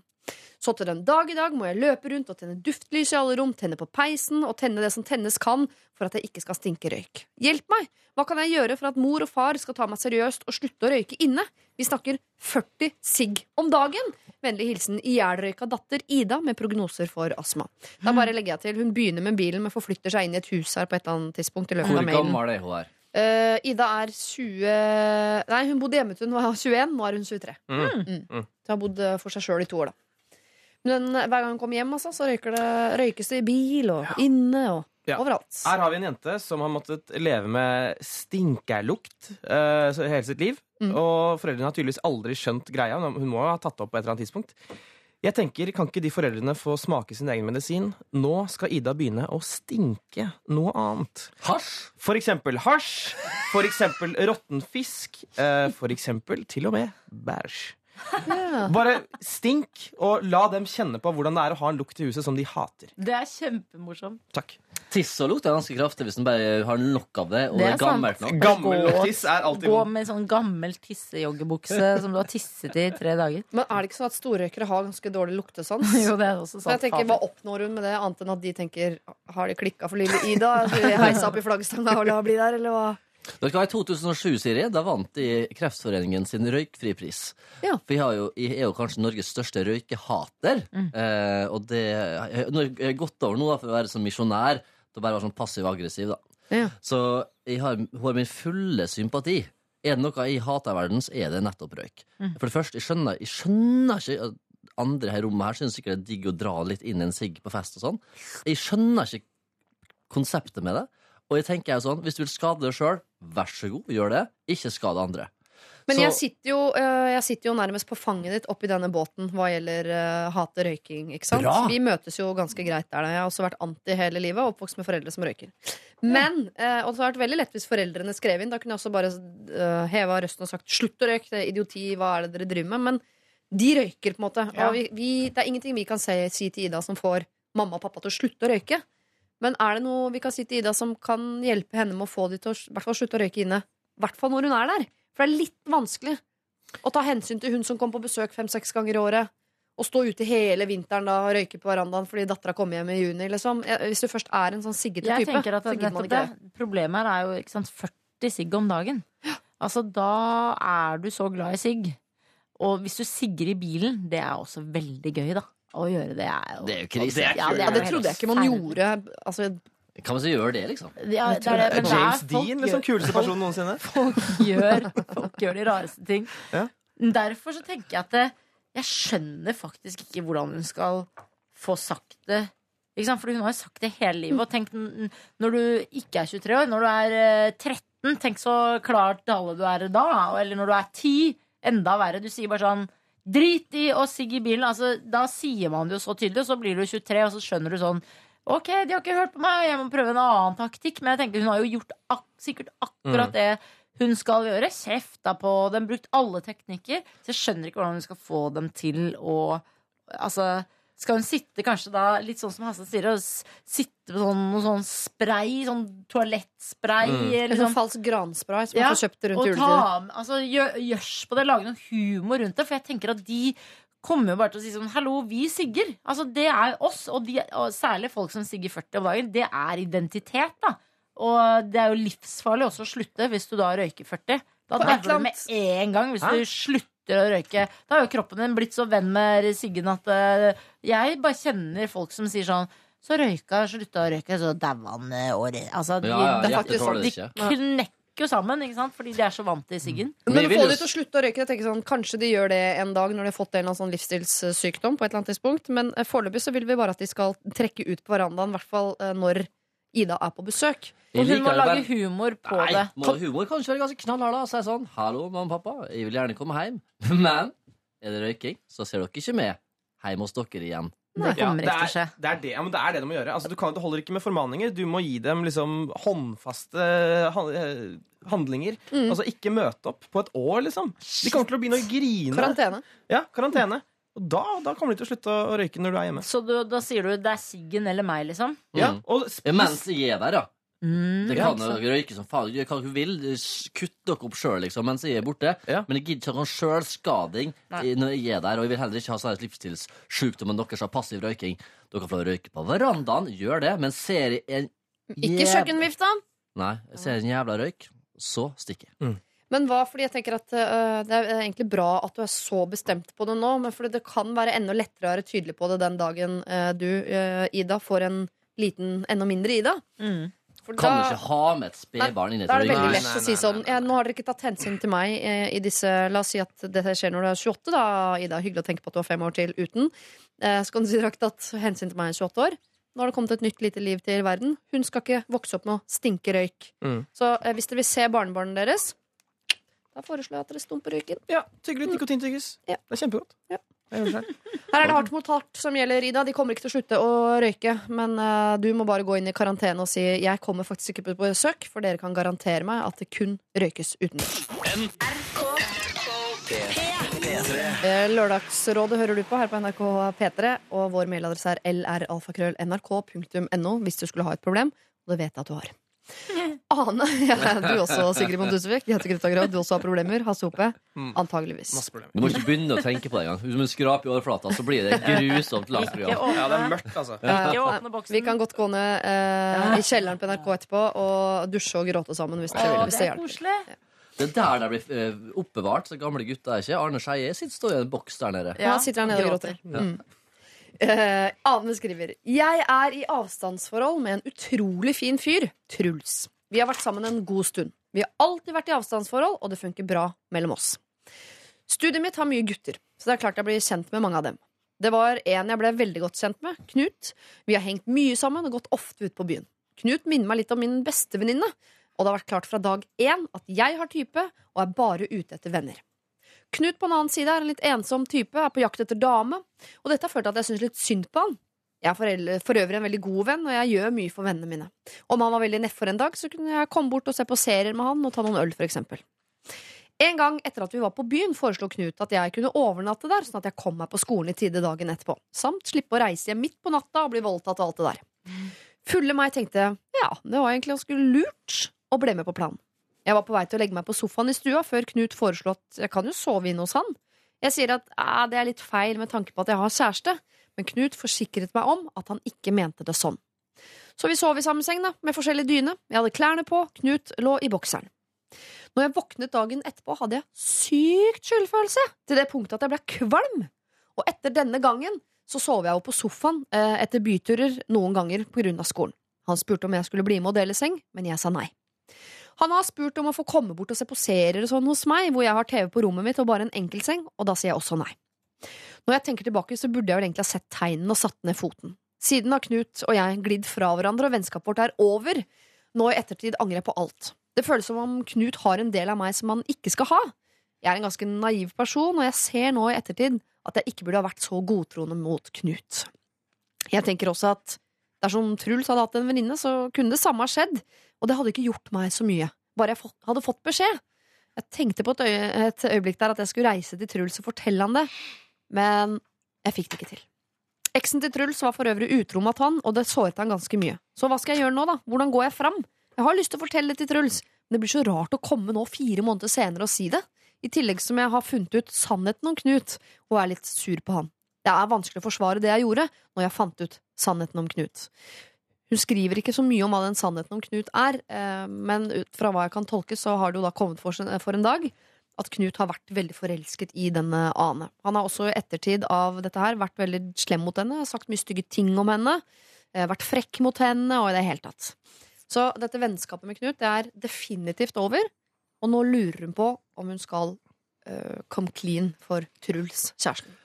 Dette her Ja, vær så god, Hasse. Ja, nei, altså, jeg, jeg, hun, har jo, jeg, hun har ikke gjort noe gærent, hun. Altså, Det at hun la seg i den sengen og liksom gjorde det helt klart at dette betyr ingenting, og hun ligger med klærne på uh, det, er jo, det er jo denne Knut som, som, som er den kjipe her. Altså, jeg, og jeg føler ikke Hun har ikke gjort noe gærent, og jeg føler heller ikke at hun nødvendigvis har noen sånn at, at hun må si dette til Truls. For da vil hun bare bygge Eller starte masse greier opp i huet hans, og så Men Lasse, vi holder på den først. Ikke Lasse Hasse. Uh, vi holder på uh, dette faktum om det er greit eller ikke. Vi, kan, vi tar en runde på det først. Er det greit, det Ane har gjort, nemlig sovet i denne senga sammen med Truls? Ja, Ja, det er greit. Det er greit. Det er greit. Det er greit. Helt greit. Også Men- fra deg, eh, Ja, hør da, det, Mr. hand, Isfjorden. det handler jo om uh, din egen toleransegrense her. Ja. Hun, hun her er jo veldig kristne kristen i hermetegn, da. Så her skal det lite til før noe er gærent. Du tenker veldig mye på hva er riktig og hva er ikke riktig. Hadde det vært i Isfjorden, så hadde folk sikkert ligget nakne sammen i senga uten at det hadde vært noe problem. Eh, men det her er en annen plass. Koselig bygd.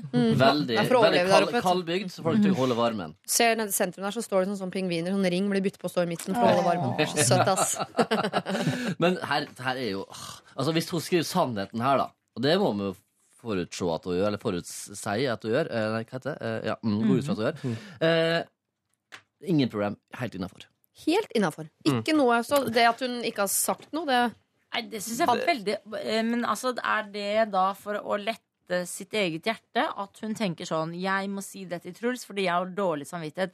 Det er jo egentlig Knut hun burde ha dårlig samvittighet uh, overfor. Vært lurmus? Fordi, ja, nei, hun har ikke vært lurmus, men hun har jo vært litt sånn Man bør som menneske, hvis man er veldig god kompis Særlig hvis det da er på en måte eh, en som du Da bør man klare å sense nå er det mer enn bare vennskap fra den ene parten, og da bør man kanskje liksom tenke ah, da sover ikke jeg over, for å nettopp beholde dette vennskapet. Så har Men hun sa jo fra. til, Det er ikke så lurt at jeg sover sammen med deg, for jeg har jo kjæreste, vet du. Da Ja, minner hun på ja, Han ja, sier jo. 'herregud, det var ikke det jeg mente'. Jeg mener også at greit man skal ha følerne ute, men når han eh, verbalt hardnakket påstår at han ikke er forelsket i henne, Det er en og så er han det, ja, da får du takke deg sjøl. Jeg håper jo og tror Nei, jeg tror ikke, men jeg håper jo egentlig at vi lever i en verden hvor eh, vennskap mellom gutt og jente er det samme som jente-jente og gutt-gutt, selv om jeg vet at ikke det er sånn. I hvert fall ikke Mm, mm, ennå. Så jeg også vil si at det at Ane ligger i samme seng som Truls, er ikke noe verre enn at Ane ligger Nei, i samme seng som Kari-aktig. Men det er jo det. Men Jo, men poenget er ikke at det har skjedd én gang. Det er det det handler om. Hadde det skjedd hver kveld, så hadde det vært noe annet. Men det skjedde én gang, og angra på det. Ligger på sofaen etter det. Det er Ja. det som er poenget. Og så kommer det andre med at hun skal si det til Knut. ja, det til det skal vi, Si det til Truls. vi skal ta en runde på det, Gaute, men vi er i hvert fall helt enige om nå at det at hun har sovet sammen med uh, Knut, Mm. det er helt greit. Helt greit. Men er vi enige om hun skal si det eller ikke til kjæresten sin? Og Nei. husk, han har vært eh, utro mot før, så han er altså en lei seg type på det greiene der. Altså, my, altså, altså, du må ikke si sånne ting til Knut. Eller nei, til Truls. Du må aldri si det til Truls. Du må leve med skammen, eller hva du vil kalle det, Sigrid. Eh, det, det er sånn det fungerer. Hvis han har vært borte i fire måneder eh, uten kontakt, eller whatever, og så plutselig sier du Du, det er en fyr som heter Knut, som jeg har vært sammen med ganske mye på fritida. Du vet ikke hvem han er. Men jeg overnatta faktisk i senga, så har det skjedd ingenting, altså. Men han er dritforelska i meg, men nå er han sur på meg.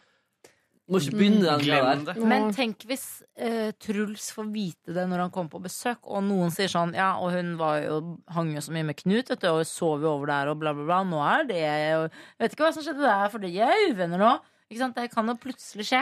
Ja, men da kan hun si Ja, jeg sa det ikke det, for jeg tenkte at dette var jo Det, det skjedde Ja, ingenting. Og det har ikke gjort noe gærent. Altså, da kan hun, det er mange altså, Ja, det betyr, betyr ingenting for meg. Det betyr, det betyr ingenting for meg da. ja, Eh, Jeg tenker, har ikke tenkt over det engang. Men eh, Så jeg tenker at Ane hun må jobbe litt med seg selv og ikke går eh, Hun høres ut som hun lager litt mye ting rundt noe som faktisk ikke har skjedd. Hun er selvfølgelig litt sår for at Knut har, har sagt stygge ting om henne i Og tenkt ettertid. og- skitne tanker om henne, Ja, sikkert. og hun har mista en god kompis, og det ble litt sånn kronglete. Ja, Men- men hvor gode venner de var, det må jeg nesten bare sette spørsmålstegn ved. Ja, hvis Knut har vært henne. skikkelig forelska hele veien, og med en gang hun ikke vil være forelska i han, Så jeg fucker for. så er han skikkelig drittsekk tilbake. Hun har vært helt ærlig på at vi er bare venner, jeg har kjæreste. Jeg hater Knut. Men det er det jeg Knut er mener. Da må også Ane bare tenke liksom OK, dette ble for dumt. De, vi var gode kompiser en liten periode, og det har skjedd meg før. Det har sikkert skjedd henne før. At man har en sånn liten eh, periode der man åh, ja. Men så forsvant den gode stemningen der, og da må vi bare stå i det. Og Man livet er jo sånn, da. Ja, man mister faktisk venner gjennom livet. Mm. Mm. Og eh, man må ikke henge Altså jeg tenker at Ane må bare liksom, liksom si til seg selv Ah, ja, det ble knotete. Det er kjedelig at jeg lå i den senga. Det var dumt. Men du sugde den ikke. Du lå ikke med den. Du lå ikke naken. Det skjedde ikke sånn usømmelig sånn sett. Det er dritbra! Eller ros deg sjøl for at du klarte å holde det liksom Den kjekkasen. Ja. Ja, ja, ja, ja. Og Truls har ikke Du trenger ikke å begynne å mase med Truls om dette. Sånn Truls må lure på ja, hva slags menneske er du som driver sånn. Nei. Og heller ikke i hemmelig form. Og, ja, og er han en sånn fyr som prøver seg på det òg, eller? Nei, men la det gå, la det gå. Og gjør det bedre neste gang. Mm. Kanskje. Hvis det er sånn Anna, at du vet selv, og det vet du jo, og du har fire stykker som er enig med deg her, at du har ikke gjort noe som helst galt, så er det ikke noe vits å si fra om at du ikke har gjort noe galt til Truls. Fordi han hører ikke 'ikke galt'. Han hører bare «Eh, 'galt'. Åh! Og så starter hjernen hans, og så ser han for seg deg i den senga, og, så videre, og klærne forsvinner, og han kommer til å gjøre det verre i sitt hode. Og så plutselig har du tatt noe som ikke er et problem, og gjort om til et problem oppi hodet til typen din. Det er ikke å være en god kjæreste, ass.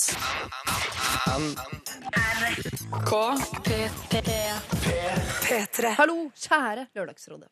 Jeg har et problem som de fleste andre som sender mail til dere også. Det er helt riktig. De aller, aller fleste som sender mail til Lørdagsrådet, har problemer. Noen har ros, og noen har kritikk. Og noen har store personlige problemer, burde ikke sendt en mail. Nei, det er også, også. Noen får vi av de også. Ja. Veldig glad i de med problemer på, og veldig glad i de med ros. De med ris ikke så glad i. Eller alfakrøll nrk.no. Nemlig i min verden fins ikke noe som heter konstruktiv kritikk. Det er kritikk. Jeg flyttet inn med en jeg ikke kjente så godt i sommer.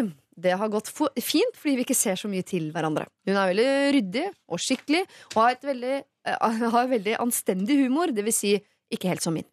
Problemet er som følger. Jeg pleier å skrive dagbok eller journal, fordi ellers så husker jeg ikke hva jeg har gjort, og jeg elsker å skrive. Der skriver jeg ting jeg aldri sier til noen. Tanker, ideer, problemer som hverdagen støter på. Dere vet. Boken ligger i nattbordskuffen min på mitt rom, og jeg lar ingen lese den. Det hele startet for en stund siden når jeg og roomien min sto på kjøkkenet, og hun spurte meg om et superpersonlig spørsmål om kjæresten min. Jeg skvatt, fordi jeg ikke kunne huske å ha fortalt henne det. Men jeg tenkte at jeg må jo ha nevnt det, da. Oftere og oftere så plutselig gjenforteller hun dagene mine og spør meg om ting som bare jeg har skrevet i denne boken. Og i forrige uke så postet hun et bilde på Instagram, og under bildet sto det et utdrag fra en av mine dikt som jeg ikke har fortalt til noen. Jeg spurte henne da om hun hadde sett i dagboken min. Hun nektet og løp inn på rommet sitt. Jeg måtte beklage og be om unnskyldning for at jeg i det hele tatt kunne spørre om noe slikt. Jeg syns det er rart og ubehagelig. Hva annet snoker hun i når jeg er borte? Hva kan jeg gjøre, Susanne? Hva annet hun snoker i når du er borte, det kan jeg ikke svare på. Men uh, hva hun kan gjøre Hva kan hun gjøre? Hun har allerede konfrontert henne med denne, dette. Hun nektet og løp inn på rommet sitt, som jo ofte er en beskrivelse på Nei! Jo da, jo da, jo da. Jo da. Skyld, skyld, skyld. Ja. veldig sånn eh, tre år gammel eh, måte å reagere på. Ja. Nei, det har jeg i hvert fall ikke gjort! Altså, det er jo noe med dagbøker som er veldig fristende å lese. Eh, det skjønner jeg. Det, og det, det skal ikke leses i. Eh, det skal det ikke. Vi- Jeg vil ikke vite hva andre tenker innerst inne i hjernen sin, for det er ikke noe hyggelig å vite. Nei. Eh, men det er spennende, ja. Eh, så det er jo fy og skam i utgangspunktet. Men her, da, så finnes det jo en veldig enkel løsning som hun burde tatt eh, for lenge siden. Eh, og det kalles lås. Ja, den praktiske løsningen på det, ja. ja, ja, Låse ja. rommet sitt.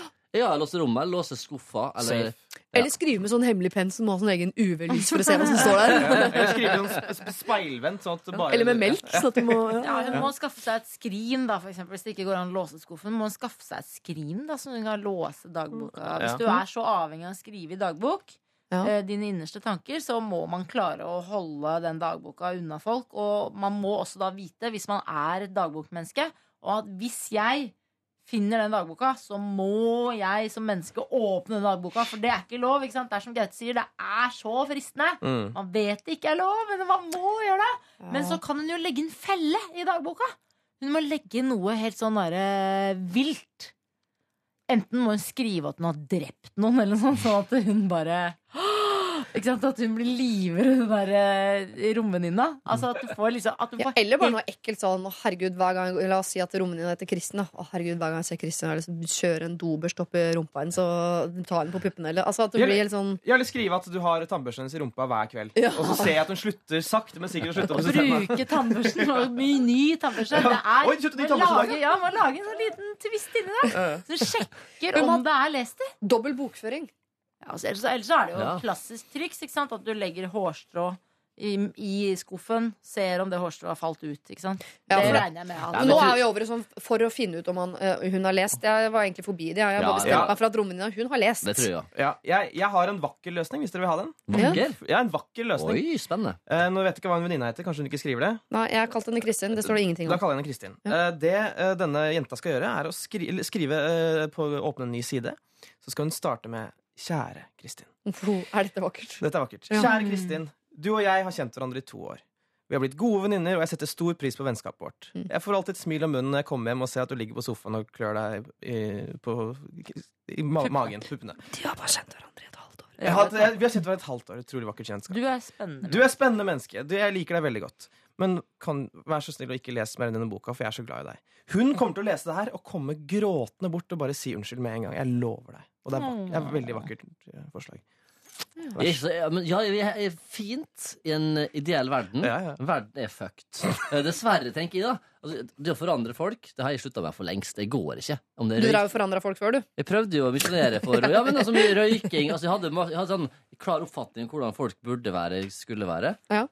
Pff, bare dropp det. Folk er som de er. Mm. Og så, mitt livsmotto er jo at folk flest er idioter, liksom. Så det, der begynner jeg, da. Ja. Og så blir jeg positivt overraska. Her gjelder det bare å tenke hun der kjører på, er dagbokleseren. Hun må bare unngå dagbok. Det er som heroin. sant? Skal du ha en, heroin, ha en narkoman i, i leiligheten, så bør det ikke ligge en heroin framme. Det er litt sånn. En heroin. En heroin. Det er klassisk glemme heroinen. Ja, og så ja, frister du. Ja, ja, ja. Nei, men du har helt rett, Gaute. Altså, eh, man hvert må fall fordi hun er redd for at hun snoker i andre ting også. Man blir jo litt usikker på jeg bare, Det vil jeg ta bort av Susanne Sare deg. Hvis du er usikker på rommene din, Fordi hvis hun først leser i dagboka, så er du en hun ikke kan stole på hva annet farlig driver med. Altså, helt vanlig, snille, ordentlige mennesker leser andre dagbøker. Det Mm. gjør man jo Ja, bare. Så det er ikke vits at Det er ikke sikkert hun er Dexter bare fordi hun har lest dagboka di. Nei. Men uh, at hun skal slutte å lese dagboka, det er jeg enig om. Ja. Det kan vi stoppe enten ved å skrive grusomme ting som skremmer henne i boka. Skrive noe vakkert, som Hasse Hope vil, som jeg Ja. likte veldig veldig godt. Tusen takk. Eller ekstremt sånn konkrete uh, håndverkersvaret på dette. Låse døra, eller kjøpe et skrin. Det kommer jo an på da, om det er snakk om en person her som du skal gifte deg med og bo sammen resten av livet. Da begynner det å bli et problem hvis du ikke kan stole på en vedkommende. Her er det en roommate som du skal være sammen med kanskje et halvt år til, eller kanskje ett år til. Mm. Det er ikke så farlig. Da gjør du det enkelt, og så tar vi de store samtalene når du skal gifte deg med en fyr. Ha det gøy med det, liksom. Plag det, altså, gjør noe gøy ut av det. Ja. Og så låser du så du ikke får lest noe mer Ikke om de sant. tingene som beveger seg inn i hodet ditt. Ja, skriv en bok om det etterpå. P3. Dette er Lørdagsrådet på P3. P3. Dere, Vi skal ta et siste problem her i Lørdagsrådet. Det er også reiserelatert. Mm. Det handler om Thailand, så da kan du kjenne igjen Gaute Grøtta Grav. Det Oh, handler yes. om ekskjærester, og ja, Thailand, der kan vel du også kjenne deg igjen, Sigrid Bonde Tusvik. Du har Oh, vel yes. noe eksegreier gående der. Eh, Hasope, er det noe her du føler deg familiær med? Har du vært i Thailand? Både vært i Thailand, og jeg har ekser. Ikke sant? Jeg har begge deler. Perfekt. Det er perfekt problem for oss. Jeg har akkurat vært i Thailand selv. Masse ekser. Ikke masse. Tre. Kjære Lørdagsråd, jeg trenger hjelp. Eksen og jeg har et fint vennskapsforhold. Nå har vi bestilt en 14 dagers tur til Thailand sammen. Vi har vært der før, når vi var et par. Vi har det veldig fint sammen når vi er på tur, men nå skal jeg på date med en annen jente. Bør jeg fortelle om at jeg skal på en lengre tur med eksen min? Lyve og si at jeg skal dit med en kompis, eller skal jeg bare holde munn? Dersom det blir flere dater framover da, med denne nye jenta, så kommer det jo for en dag at jeg faktisk skal på tur med eksen. Hilsen Tarjei. PS. Det ligger ikke noen ny kjærlighet i lufta mellom eksen og meg. Det er fint at du poengterer, for det er veldig mange rådgivere som ville kastet seg over det. Mm. Altså, Tarjei. Skal til Thailand med eksen. Er det, skal han opplyse om det nå i datingfasen fram mot det? Ja.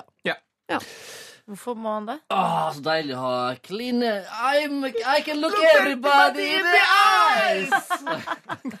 Ja, men Ja. eh, det er jo en Dere var ikke så opptatt av det når det gjaldt Ane som ikke skulle si noe til typen Nei, sin om han skal fyren og ligger i seng Ja, med det var- det var lite ja. polske Ja, men øh, han, det er jo ikke noe kjærlighet mellom eksen og og Tarjei. Tarjei så Nei, da det er i hvert fall viktig å kunne si det. Hallo, jeg skal på en platonisk tur med eksen. Du bestilte for lenge siden før det var slutt. Men da hadde jeg backa ut som sånn date. Ja, så er jo sånn Ja, men du, eh, da snakkes vi etter du kommer hjem igjen, eh, og så ser vi om det er greit. Ja, ok, ja. Jeg tipper I en datingfase så ville jeg også latt som jeg var i sånn menneske som sa sånn Hei, ikke noe problem. Det er så hyggelig. Altså, bra at du er en fin eks, at dere har et bra forhold og sånn. Så hadde de dratt til Thailand, så hadde The Dragon kommet ut av buret sånn i etterkant. Ja. Men ikke på date. Og det, Liksom. og det hadde kommet i alle krangler hvis det ah, ja. blir et forhold. Ja, ja, og så- men poenget er at det kommer til å dukke opp uansett. Altså Hvis du lyver om det nå, og blir sammen med en jente etterpå du kommer hjem, da har du i hvert fall et problem. Jeg tenker sånn, her er det må, Enten må han eh, bare holde datinga på pause til ferieturen er over, eller så må han si sånn Du, jævlig dårlig timing, da, men jeg skal på ferie med hun dama her. Du kan gjerne bli med hvis du vil, men sånn er det casen. Nja, ikke bli med, da. Nei, ikke bli med, Nei, bli med, men ikke bli med. Du kan, du kan, hun Da hadde ikke bli jeg som med. eks sagt sånn Å ja, du skal ha med deg Lolita. Tror ikke det. Men, er det sånn at eh, han eh, Er det sånn at man blir veldig sint i disse dager på at folk er venner med eksene sine? Altså- Noen, ja. Ikke jeg. Ble du privat bekymret nå? Nei, men jeg mener sånn Bør ikke Det jo hvor, hvor går grensene, liksom, for det er jo liksom litt drø, drøyt uh, å ta med seg eksen på ferie. Hvis, ja, hvis du gjør det mange ganger. Altså, de er ekser for lenge siden, og de har vært på mange turer uh, og er kompiser. Men det Ja, er det. De er kjempefint ja, sammen men på tur. da. Kunne du og Henrik dratt på en weekendtur til Warszawa, på spa, og så Martin sitter hjemme og passer ungene? Hadde det passa Nei, ålreit? men vi skal en tur til Bergen nå i mars. På jobb, da? På jobb. Ja. Ja, men det kan da. Men eh, jeg vil eh, poengtere én ting her.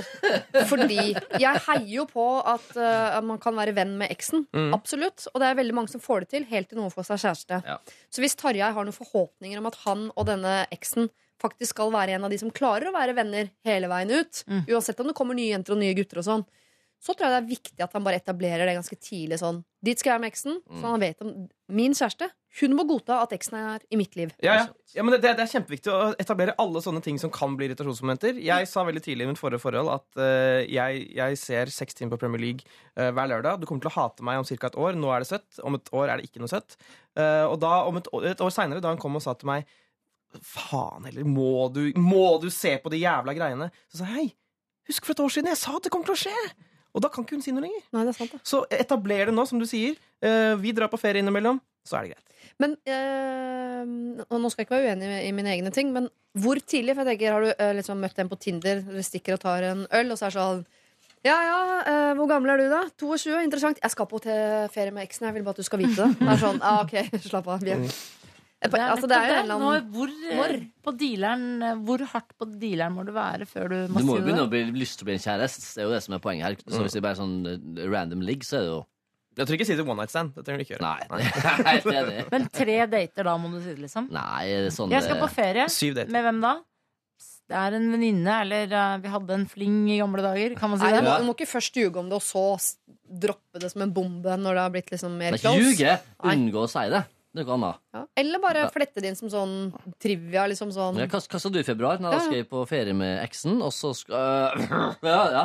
Og så er du i gang. Ikke legg det fra, for Hvis du legger det fram som et problem Nei, det går tidlig i en datingfase, tenk Nei, sånn, åh, skal vi begynne med problemer allerede? Mm. Det orker jeg ikke. Ha det. Men skal jeg dele rom? Det står det kanskje ikke noe om, men Eller seng. ja, ikke sant? da begynner det å bli sånn Ja, ja. Det hadde aldri Kari Jakkesson gått med på. Men Hun går med på veldig lite. Men uh, ja, Nei, det vet jeg ikke. Det kan, jo hen- det kan man jo da ta en runde på etter hvert, hvis han får seg kjæreste først. Og de egentlig skal bo på samme rom. At hun kan få si sånn eh, Men hvor vanskelig er det å tasse inn på det rommet? Hvor vanskelig er det å tasse inn på det rommet, liksom? Nei, nei, men det, da, de kan jo ligge sammen når de vil, hvis de først vil være utro. Men jeg bare Ja. tenker, det er, det er noen nærhetsgreier. Mm. Ja, sånn, Uansett. du, du ruller inntil han mens du sover, og så skjer det noen gamle greier som du gjør i søvne. Det i skjer ikke ja. med gamle ekser som er kompiser. Jeg lover. Ja, detter tissen din inn i tissen da hennes er som du så kjempemange ferdig ganger på hverandre rad. da har du jo hatt den tissen så ofte at det er ikke noe fristende. Det er jo nettopp derfor de drar på tur, fordi de er så gode venner. Vi har, jeg kjenner masse folk jeg, som er venner med eksene sine, som digger å være på tur med dem. Og så liksom er det sånn åh, jeg vil heller bare dra på tur med deg. Og så er de kjempe Altså, de hadde aldri tatt i hverandre, liksom. Den dagen eksen kan være wingman, da er det greit. Ja, Mm, det skal jeg ta, og det skal stå på en T-skjorte. Ring opp eksen din. Da, den dagen eksen kan være wingman. Da er det greit. Da er alt greit, faktisk. Mm. Ja. For da, da unner du liksom eksen å ligge med andre på ordentlig. da Og bare, Mm. Du hjelper han eller hun å få seg et ligg, og da tenker jeg, da har du ingen interesse sjøl av det. Tarjei, du bytter ut eh, bildet ditt på Tinder med, hvor du står i en T-skjorte. På den T-skjorta står det 'Den dagen eksen kan være wingman'. Da er alt uh, greit. Så har du på en måte planta bare et lite frø, som etter hvert skal eh, gro til en vakker blomst mellom deg og din fremtidige kjæreste. Dette er Dette er P3. Vi skal dele ut en kopp, folkens. Jeg skal dra dere gjennom de nominerte til kveldens kopp. Altså Ingen som stemmes ut? Ingen tvekamp, sier du? Ikke noe tvekamp, ingen uh, hvite eller svarte kameler. eh, Vi får ingenting se. sånt. Vi får se. Ja. Eh, Åshild og Tore de har en eh, tysk utvekslingsstudent boende hos seg som har fått seg norsk kjæreste. Hun ønsker å overnatte hos han, eh, og de lurte på om de bare skulle si tommel opp til det. Og ja, det fikk de vel tommel opp for at de rett og slett skulle gjøre. Eh, så var det Johan som er usikker på om han kan ha eh, dytta Herman lenger inn i et skap, altså da eh, homofiliskapet, og ønsker å rydde opp i det. Eh, han fikk vel ganske streng beskjed om å holde seg unna, men at han kunne gi en siste beskjed om at dersom du vil prate, så er jeg åpen for det. Kari lurer på om hun skal dra tilbake til Asia for tredje år på rad med en vennegjeng, selv om hun vet at i Asia så venter det en mann som hun har følelse for, og som har følelse for henne, og dra hjem igjen med kjærlighetssorg som de to foregående gangene. Ja, det skal du. Tobias lurer på Vil jeg egentlig vite det? Og det var denne 22 år gamle gutten som har eh, sykla ned en gammel dame eh, som havnet på sykehus, men han aner ikke hvordan det gikk med henne. Så kan han oppsøke sykehus og politi eventuelt for å finne ut av om hun faktisk i det hele tatt lever. Eh, hva ble enige om der? Ja, det skal du absolutt gjøre. Og hvis hun er i live, som vi jo tror, så skal hun ikke eh, bare få en hilsen, hun skal få blomster og gartnertjenester og i det hele tatt. Men som Sigrid sier, ingen seksuelle tjenester. Eh, så er det da denne Ella som har en lokførervenninne som nekter å fly i Norwegian, for hun mener at ansettelsesforholdene i Norwegian kan sammenlignes med eh, lokførerbransjen. Da må jeg bare være helt inhabil og si at det er å dra strikken litt grann langt, men greit. Eh, og Ella, dere må bare fly SAS, dere, og så får jo da denne venninnen sitte med prinsippene sine eh, Nei, dere flyr Norwegian, og så får hun sitte der på et Norwegian-fly med prinsippene sine for seg selv. SAS? SAS-fly. Herregud, slå meg bak, og dette går ikke. Ida hun vil at foreldrene hennes skal slutte å røyke inne når hun er på besøk. Og der så har vi sett hardt mot hardt. Du kommer ikke på besøk du, før de gjør det. Ane lurer på om det gikk for langt med vennen sin. Eh, nei, det gjorde du egentlig ikke. Eh, I hvert fall ikke langt nok til at du trenger å fortelle Truls, kjæresten din, om at du har sovet i samme seng som Knut. Med klærne på, altså. Susanne har en eh, romve, ikke romvenninne, men en samboer, på en måte. Bor i bokollektiv. En annen jente som har lest i dagboken hennes. Hva skal hun gjøre med det? Jo, det skal hun ha masse moro med. Før dobbel bokføring eller skrive inn noe hatsk eller noe hyggelig. Og så låser hun boka i ettertid. Til slutt her så har vi Tarjei da, som skal til Thailand med eksen sin, og lurer på om han i perioden fram mot dette, hvis han skulle møte en ny jente, er dette noe han må fortelle. Ja, det er det. Hvem skal fortelle noen at de har fått en kopp? Det er meg, men hvem skal få den? Altså For meg er det altså jeg, den, Det første, første problemet med utvekslingsstudent Ja. det, det, det var så vrient. Og det var så mange, det var så mange lag der. Uh, jeg, og jeg, det hadde liksom alt for meg. da Ja. En 16 år gammel utvekslingsstudent fra Tyskland som heter Helga. Ah, Helt, helt rått. Ja. Ja. Men er det Helga som får koppen, eller Åshild og Tore? Det er Åshild og Tore. Ja. Og så kan hun få drikke av den Ja. hvis hun ikke har sex. Så fin er ikke den koppen. Bare. Jeg dropper det sexgreiene, for den koppen den skal jeg drikke av. Koppen er dritbra, det, med den plastikkbandet rundt fortsatt. Jo, det er ikke bedre enn sex. Nei, kanskje ikke. Kjør an på hva du ligger med, si. Ja, jeg har ikke Har du ligget med fått sånn kopp? Har du sendt inn uh, problem? Nei, jeg fikk det. Jeg spurte på få, så fikk jeg. Det var så enkelt som det. Altså, hva med, hva med selveste hun eh, som leser dagbok eh, Altså, jeg, Yes. jeg syns hun skal få Susanne? Susanne. Ja. Så står den framme liksom diskré, så skjønner hun venninnen hennes Å, faen, det var hun, ja. Det var hun, ja. Og jeg tenker at det der eh, Hun er liksom fanget litt i en sånn døv situasjon. Bor Mm. med en som snoker rundt. Kjip, mener du? Mm, Ja, det var det, da. Jeg Må lære det. meg å si kjip. Men du er så opptatt av sånne ting. Det er derfor jeg jeg er straffer deg. Det er ikke så mange andre straffer på de greiene der. Opptatt av det sjøl. Ja, du er veldig opptatt av det. Du får kjeft for det ganske ofte, du. Ja, ja, og jeg sier det hele tiden. Det er helt utrolig. Jeg burde si lø og spa istedenfor, så blir jeg ferdig med det. Den er i meg i en lø situasjon, så da Ja, men lø betyr bra. Spa er også bra. Lørspa. Mm. Spa, løk, kæbe. Bra dame. Eh, oppvokst på Bjølsen, vet ikke hva heter. Eh, Hasse? Jeg sa det i stad. Det, Ja. Men jeg tenker jo på kan, Det er Gaute som ikke ja, har sagt det kan noe. Ja, Altså- men eh, altså, jeg liker jo folk som lever i motbakke. sant? Sånn som Kari, sånn, Kari og Tobias og de greiene der. eh, ja. eh, du hva, For meg er det samme. Jeg merker at jeg er så glad for å kunne gi løsninger på problemet. Jeg tenker at jeg er en premie nok i seg sjøl. Så om det går for Hasse eller Sigrid sitt, så blir jeg fornøyd. Gaute syns det er for dårlig presang. Hvis man ikke vinner et hus eller en bil, så syns han ikke det er kanskje verdt å på en måte Altså, Gaute syns til og med hus og bil var dårlig presang, for da fikk jo ikke tomt å sette opp det huset på. Måtte kjøpe egen tomt for egne penger. Ja. Herregud, for drittland vi lever i. Det er jo ikke noe goder her. Det er ikke noe velferd i det hele tatt. Kjøpe egen tomt. ok, da har jeg eh, rist både Sigrid og Gaute eh, her. Du får ikke noe ris, eh, Hasse. Tusen takk. Du får derimot eh, ditt eh, ønske innvilget. Nei! Mm. Er det sant? Så koppen går altså da til Åshild og Tore, som må slite med en 16 år gammel tysker. Som nå vurderer å ligge med en annen norsk 16-åring. Det er en nydelig kopp! Det Den fikk dere nå? Nei, det vet jeg ikke. Ja, det må, Ja, men det må gjennom, det må via moderskipet. ass. Det greiene der. Vi kan snakke om det etterpå. Masse tid til å snakke om det etterpå. Nå ikke fullt så mye. Eh, Vi skal eh, høre Hjerteknuser, Kaizers eh, Orkestra. Og så Det er en kul kopp. Det er en veldig kul kopp. Ja, Hils. Kaizers, da. Men jeg skal hilse Kaizers. Takk for i dag, dere. Du, takk for i Ja, det dag. er bra. Dette er Dette er P3. Kaizers Orkestra, Hjerteknuser. Jeg har egentlig sagt ha det til dere, Sigrid og Grete, men dere har jo fortsatt ikke gått. Vi må gå. Ja, nei, du må for all del bare bli her. Var koppen fin? Den var dritfin. Ja. Kan man si det? Ja, du kan si dritfin. Pass Passer perfekt i bil. Ja. Tenkte ikke så mye på det når vi lagde det, altså, men den er veldig veldig fin i bil. Eh, vi er tilbake om en uke her i Lørdagsrådet. Nye problemer, nye rådgiver. Hvis ikke dere vil komme tilbake, da. Alltid klar. Ta på deg skia, du, opp i isfuglen der, og står hele veien ned. Eh, så hvis du har et problem, da, du som hører på, så send det gjerne inn til oss. lralfakrøll.nrk.no. Du finner flere podkaster på p3.no podkast.